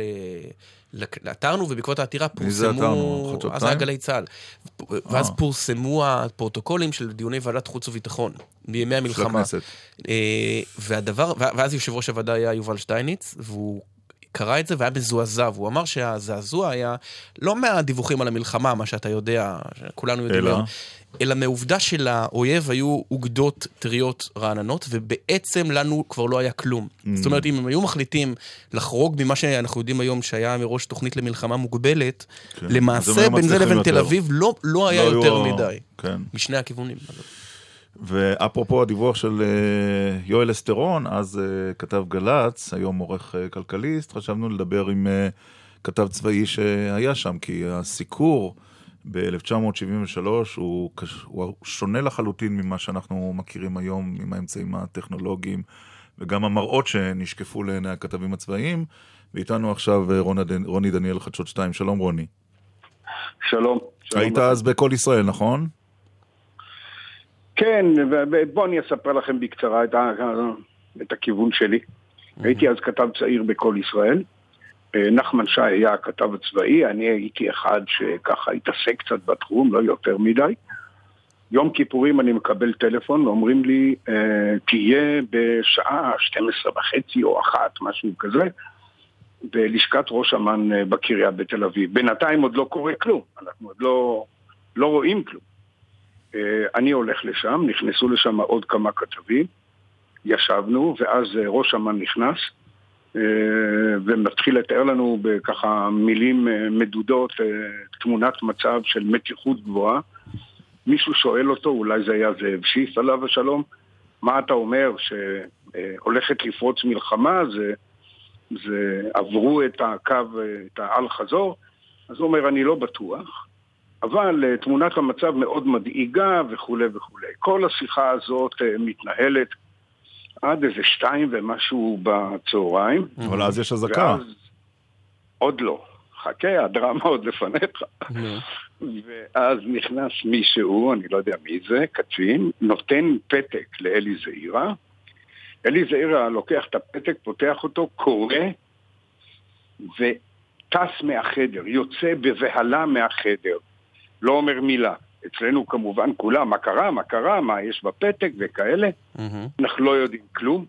נכנס פיני להב אחרי כמה דקות, ואומר, אה, שימו לב, אה, הכוחות המצרים והסורים במתואם פתחו עכשיו באש ארטילרית כבדה, גם בחזית אה, התעלה וגם בחזית רמת הגולן. כולם לוקחים את ה... מה שהיה להם ועפים החוצה מהחדר, אני יוצא החוצה. אה, ברחוב, והאזעקה הראשונה תופסת אותי, אה, וכל השאר זה התגלגלויות כאלה ואחרות, שלא נרחיב בהן. תגיד, אה, אתה יודע, לפני שנה פורסם תיעוד וידאו עוצר נשימה של גולדה מאיר בעצם מסיירת ב... באזור התעלה החזית אחרי ש... ששכחה האש. ורואים אותה אה, מדברת עם החיילים ומתקבלת באהבה גדולה מאוד, היא ודיין. מה, זאת אומרת שגם אחרי המלחמה, בניגוד למה שאנחנו מספרים לנו היום... הרי נבחרה שוב, אה, נכון. עמית, אתה שוכח שהיו בחירות, זה מה שאני גולדה שואל. נבחרה שוב. מה קרה, מתי נופל האסימון לציבור אה, לפנות נגד ההנהגה שלו? זה לקח זמן. בסיטואציה של מלחמה אין מה לעשות, התחושה היא להתקדר או להתאסף סביב ההנהגה שעד הרגע שהתחילה המלחמה נורא שמחת עליהם. מי לא שמח על דיין, מי לא שמח על גולדה.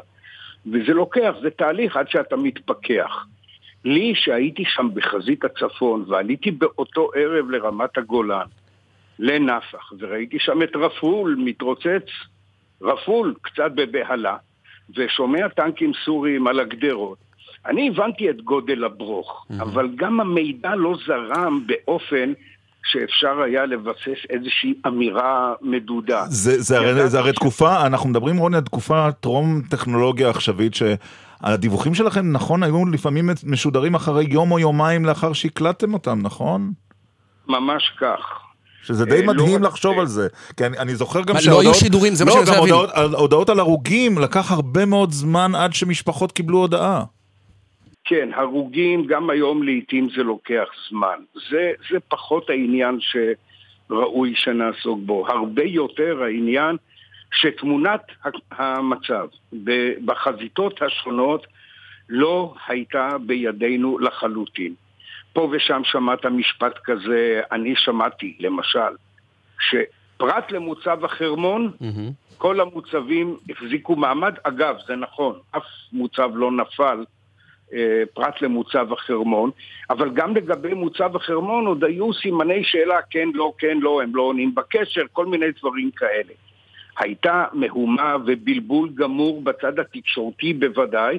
כן. אני יכול, בדיעבד אני יודע, שגם בצד של הקברניטים, של מקבלי ההחלטות, תמונת המצב הייתה לגמרי לא ברורה. עד כדי כך, הזכרתם את היום של השמונה בחודש בחזית סיני, כן. אני לפני מיליון שנה בערך עשיתי איזה תוכנית, על, קראתי לה קו בר לב, קווים לדמותו.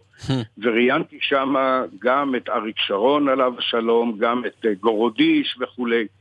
ואריק שרון אמר לי אז, אם בשמונה בחודש היו עושים את מה שתכנן שמוליק גורודיש, אז אלוף פיקוד הדרום, כן. אז זה היה יום של ניצחון גדול ולא של מפלה. זה נדמה לי שרידים של מלחמת הגנרלים שפרצה מי אשם, מי לא אשם. כן. כן. אבל, אבל תגיד, רוני, תחזיר אותנו שנייה להתנהלות התקשורתית. הרי אם זה היה קורה היום, הרי על כל רבע קסאם יש גלים פתוחים. אה, איך נראה אז הסיקור של המלחמה? תגברו יומני חדשות או שהמשיכו כרגיל? איחדו את כל ישראל וגלי צה"ל. לא, זה ודאי, אבל מי שרצה לצרוך חדשות לא היה יכול כל הזמן לשמוע, נכון? לא, גם לא היה אינטרנט. להגיד לכם את האמת, לא שמעתי כלום, לא ידעתי כלום. אני הייתי תקוע לי שם ברמת הגולן, עכשיו יהיו קולות של... יוני נתניהו עליו השלום בתל שמס שם ברמת הגולן, אני הייתי תקוע שם במרחב הזה ככתב צעיר ברדיו, רצתי ממקום למקום. כן, אבל הוא לך, לא היית כל הזמן על קו הטלפון, זה מה שאני מנסה להגיד. אין דבר כזה, אין טלפון. כמה פעמים היית מדווח ביום? אני לא זוכר כבר, אבל הייתי מקליט הרבה, שולח הרבה חומר דרך קווי טלפונים. מראש פינה, אתה מבין? לרדת לראש פינה, לשלוח חומר, כי למעלה לא היה כלום. כן. לא פלא שלא היה לנו מושג מה, רוצה... לא היה מושג מה קורה. עוד, עוד שאלה אחת לפני שניפרד, רוני דניאל. אנחנו במרחק 43 שנים, אתה, אתה חש שכלי התקשורת, או ספרי ההיסטוריה, או מערכת החינוך, מצליחה להעביר לדור שנולד אחרי המלחמה את עוצמת הטראומה של 2,700 חללים במלחמה במהלך שלושה שבועות, דבר שלא ידענו כמוהו מאז? אני חושב שלא. יש טראומות, או יש אירועים, הרי מה קרה לנו שם? באנו שאננים ממלחמת ששת הימים, גיבורים שיכולים לעשות הכל, ובאבחה של שתי יממות קרה משהו הפוך. הטראומה זה לבני הדור ההוא, למשפחות השכולות בוודאי, אני לא חושב שהיום הדור הצעיר מבין את, את העוצמה הזאת. קשה להעביר, אני חושב, כן, כן. בריחוק השנים, את עוצמת הטראומה. טוב. היא מה... הייתה, היא כבדה. אנחנו, בני הדור שלי, סוחבים את זה איתנו עד היום. כן, כמו שמי שנולד אחרי 1995 לא מבין מה, מה זה היה רצח רבין, אה, דרכו של עולם. רוני דניאל, חדשות 2, תודה על השיחה הזו. תודה לכם. חוזרים למלחמות ההווה, גוש כן. עציון, כן. אומרים שלום לשניים. אברהם וייס, חבר ועדת הבדיקה בעניין דוד דיפרל, ראש המועצה, ומשה קינלי טורפז, תושב כפר עציון. שלום לכם. שלום וברכה. אברהם וייס, אתה ביקשת לחדד דברים שאמר כאן חברך לוועדת הבדיקה. כן, רק ברשותכם, אני רוצה להתחבר לרעיון הקודם, אני כן. להשתתף בצערם של המשפחות, שבימים אלו מתייחדים לזכרם של הגיבורים שהביאו לניצחון באותה מלחמה. אוקיי. עכשיו בוא נחזור אה, לפרל. עכשיו, כן, לענייננו. אה, אני פשוט, אה, אני, אני, הקדמה של משפט. אנחנו, בוועדה שלנו, באנו בראש ובראשונה ממקום של מאבק בפגיעות מיניות. לאור זאת, חשוב לי להבהיר נקודה שאיזשהו אי דיוק שהיה, או כמה אי דיוקים שהיו בריאיון שראש המועצה נתן ביום שני. Mm-hmm. באותו ריאיון ראש המועצה טען שהוועדה אישרה את גרסתו, כי הוא לא פגע מינית, לא תקף ולא עבר שום עבירה. אה, עובדתית זה לא נכון, הוועדה קבעה שלאחר שבודדנו את רעשי הרקע, כן. נותרנו עם גרסה מול גרסה, כן. ושתי האפשרויות אה, מסתדרות ולא ניתן להכריע ביניהם. אז אני אשאל אותך שוב, אה, אני אשאל אותך את מה ששאלתי את גדעון שינדלר, אם הייתה באה כן. אליך מישהי ואומרת, כן. אני דורשת שתשלם לי 250 אלף שקל, והיית יודע שאתה חף מפשע, היית משלם לה? תראה, אני, אני אומר שוב, אנחנו, הדוח שלנו התמקד בשאלה מרכזית אחת, no. האם הייתה, האם יש בסיס לקביעה כי הייתה תקיפה מינית, אני משתמש בכוונה בביטוי הזה, ואנחנו מצאנו שלעובדה הזאת לא היה בסיס. וה-250 אלף שקל לא היו מה שנקרא תחילת ראייה, כמו שאומרים המשפטנים? סתם עברו כספים, מה, צורכים שטרות על האלון הבודד בגוש עציון שאפשר לשלם ככה סכומים? צדקה. אני, אני אומר, תראו, אני, אני אסביר, אני, כשאני ניגשתי, כשאני התחלתי את העבודה שלי בוועדה, אני חשבתי כמוכם, ש, שאם הוא שילם, אז בוודאי שהייתה פה איזושהי... ומה השתנה? מה, מה השתנה? מה השתנה? אני, תראו, אני, שוב פעם, אני אומר, אמ, שלאור זה שהמטרה המרכזית שלנו הייתה לבוא ממקום של מאבק בתקיפות מיניות. לא הבנתי, רגע, אבל זו נקודה חשובה. מה השתנה? באת באמת, אתה אומר, כמו בגישה שאנחנו משקפים כאן, שמי שמשלם כסף הוא כנראה, יש, יש לו סיבה יש למה הוא סיבה שילם. לתשלום. מה השתנה? שבסיום הבדיקה אתה אומר לו, הוא יכול להישאר זה בתפקידו. גרסה מול גרסה. אני, מז- קודם כל, קודם כל אני מזמין אתכם לקרוא את הדוח, אני, וקודם כל לקרוא את הדוח, ודבר שני, אה, להאזין היטב ל- לראיון שידידי הרב עמיחי גורדי נתן לעמיתכם אה, רינו צרור, שבו הוא מסביר, אה, אני חושב, בצורה טובה את, ה, את הדברים. אה, אני בטוח שגם אתה תוכל להסביר לנו בשני משפטים, איך אדם שמשלם 250 אלף שקלים יכול להישאר לא, אני בתפקידו. לא בטוח שהוא יוכל, אדון וייס, כי אנחנו לא הצלחנו עד עכשיו. אז אני, אני אגיד עוד משפט אחד, אם כן. אני לא, שוב, אתם לא חייבים להשתכנע, אוקיי. ואני אומר את הדברים כמו שאני ראיתי אותם. אה, כמו שכתבנו ב- בדוח, אה, עצם התשלום אה, נבע מהמקום שבו הוא היה באותו רגע ומהלחצים שהופעלים עליו- שהופעלו עליו, כן. ואנחנו שוב אומרים, אנחנו לא מנסים לטעון, ובזה פתחתי, אנחנו לא מנסים לטעון שאנחנו מאמינים לגרסה שלו מול הגרסה שלה, אלא אנחנו ניסינו, ל- מנסים לטעון אוקיי. שעצם התשלום לא מהווה ביסוס לתקיפה מינית. טוב, בוא נעבור למ- למשה משה קינלי טור פז, תושב כפר- כפר עציון. אתה מקשיב לדברים האלה ומה דעתך? אני חלק ממאות תושבי גוש עציון, שחושבים שעבודת חברי המליאה גרמה לתקלה חמורה. באיזה אופן? לצערי הם תמימים שמשתמשים בהם. הם טוענים שאין ראייה להטרדה מינית, מי ביקש בכלל מהם לבדוק את זה? הרי דודי פרל בעצמו מודה שהוא שילם מאות אלפי שקלים, שהוא התחייב לא לרוץ בבחירות הבאות, והוא שותק. לטעמנו זה לבדו מספיק להשעיה, כי הוא כן. איש ציבור, ולא יעלה על הדעת, לא יעלה על הדעת שאיש ציבור ישתוק במצב כזה. עכשיו, העיניים של גוש עציון כולה, של אלפי ילדים שגדלים כאן בגוש, של בוגרי ישיבת הר עציון, שגם אני נמנה עליהם, שדודי פרל ינקוט מעשה וילך הביתה, כי עכשיו כבר נגמר, אה, נגמרו ההסברים, ועכשיו השתיקה היא כבר לא לגיטימית, ואנחנו מצפים מכל איש ציבור בגוש עציון, וגם מחברי המליאה, אה, בנוסף לשלושה אמיצים שהצביעו כבר נגד ההחלטה הזו, שישימו קץ לסאגה הזו, כי אי אפשר שראש מועצה במועצה יתנהג ככה, אי אפשר. הרעיון המגוחך בערוץ 7, שעכשיו עולה אברהם ומסביר את ההבדל בינו לבין עמדת חברי המליאה, רק מסביר את המניפולציה שנעשית פה.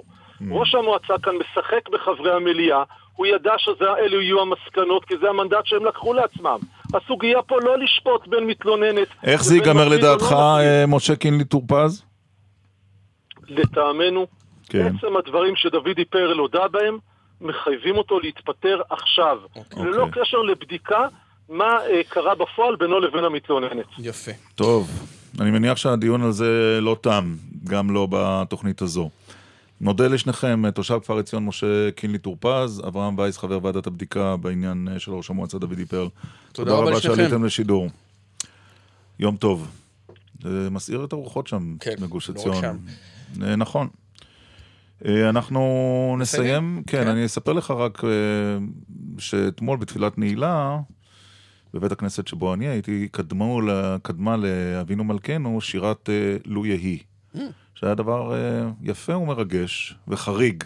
כן. נכון? זה לא... אצלנו שרו התקווה בסוף. אז אצלנו לו יהי, וחשבנו שזו סיבה מספיק טובה לסיים בשיר הזה. רק נודה לפני כן לעורך של התוכנית הבוקר, ישי שנרב. הפיקו רון רוזנבוים ומשי ג'רסי. על הביצוע, הביצוע הטכני גלי אג'שווילי. עורך הדיגיטל גיא חזק. אחרינו ספי ויועז במצד שני. וב-12 אלי ישראלי ואפי טריגר עושים ספורט. אנחנו לא נהיה כאן בשבוע הבא חול המועד סוכות, אבל ניפגש, אה, אם ירצה השם, בעוד שבועיים. בהחלט, אז- בהחלט. אז זו הזדמנות לאחל לכולם חג שמח. חג שמח. ונסיים בלו יהי. עוד יש מפרש לבן באופק מול ענן שחור כבד, כל שנבקש לו יהי. ואם בחלונות הערב אור נרות החג רועד, כל שנבקש לו יהי. לו יהי,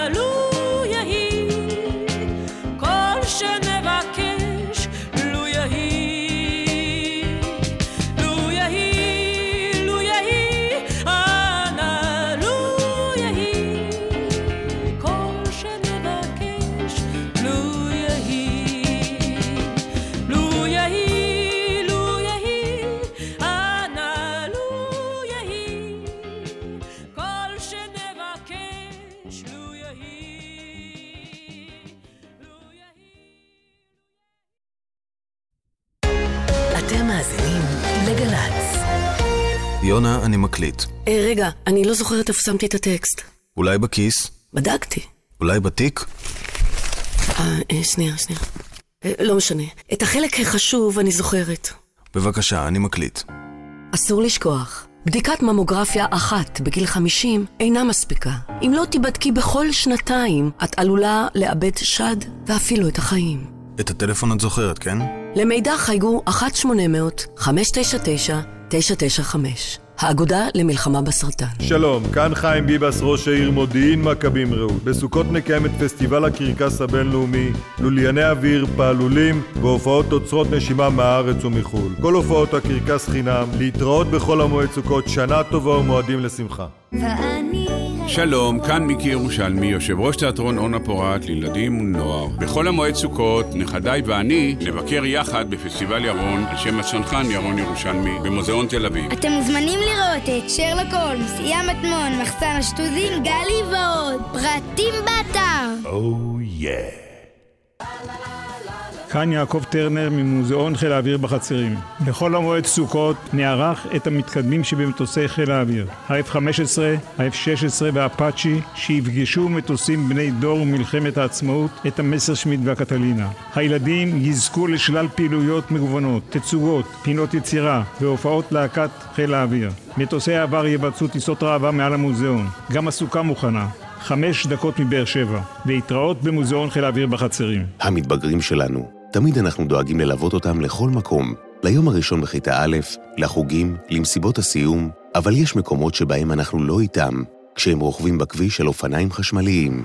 הורים יקרים, על פי חוק, רכיבה על אופניים חשמליים מותרת רק לבני 16 ומעלה ובחבישת קסדה. רוכבים רק בשבילי אופניים, ואם אין שביל, אז רק על הכביש. היכנסו עכשיו עם ילדיכם לאתר safebike.co.il והכירו את כללי הרכיבה. הרשות הלאומית לבטיחות בדרכים ומשרד התחבורה. מתי אמרת שזה מתחיל? בשבע מותק. תגיד, זכרת לבטל את השמרטף? ברור. נו, יאללה, כמה זמן לוקח לך להוריד איפור? לא, סליחה באמת, שלא אכפת לי איך אני נראית. בשביל לשמוע הופעות חיות אצל יואב קוטנר, לא צריך להתאמץ. והשבוע, יוחנן קרסל וג'ינה. הג'ם של קוטנר, הערב בשבע, גל"צ. תגידי, איזה נעלי בית מתאימות יותר, הסגולות או האפורות? מהמסיבה בחוף בחוף של עד לחופה. שתדעי שאני לא יכול בלעדייך המוזיקה שלו מלווה אותנו כבר 40 שנה. שמעון פרנס מארח את שלומי שבת בתוכנית מיוחדת. עם יובל דיין, ארכדי דוכין, מנור ואביהו שבת בביצועים חדשים לשירים הגדולים. שלומי שבת חוגג 40 שנות יצירה. שני, אחת בצהריים, סוכות בגל"צ. מיד אחרי החדשות, יועז הנדל וספי עובדיה. גל"צ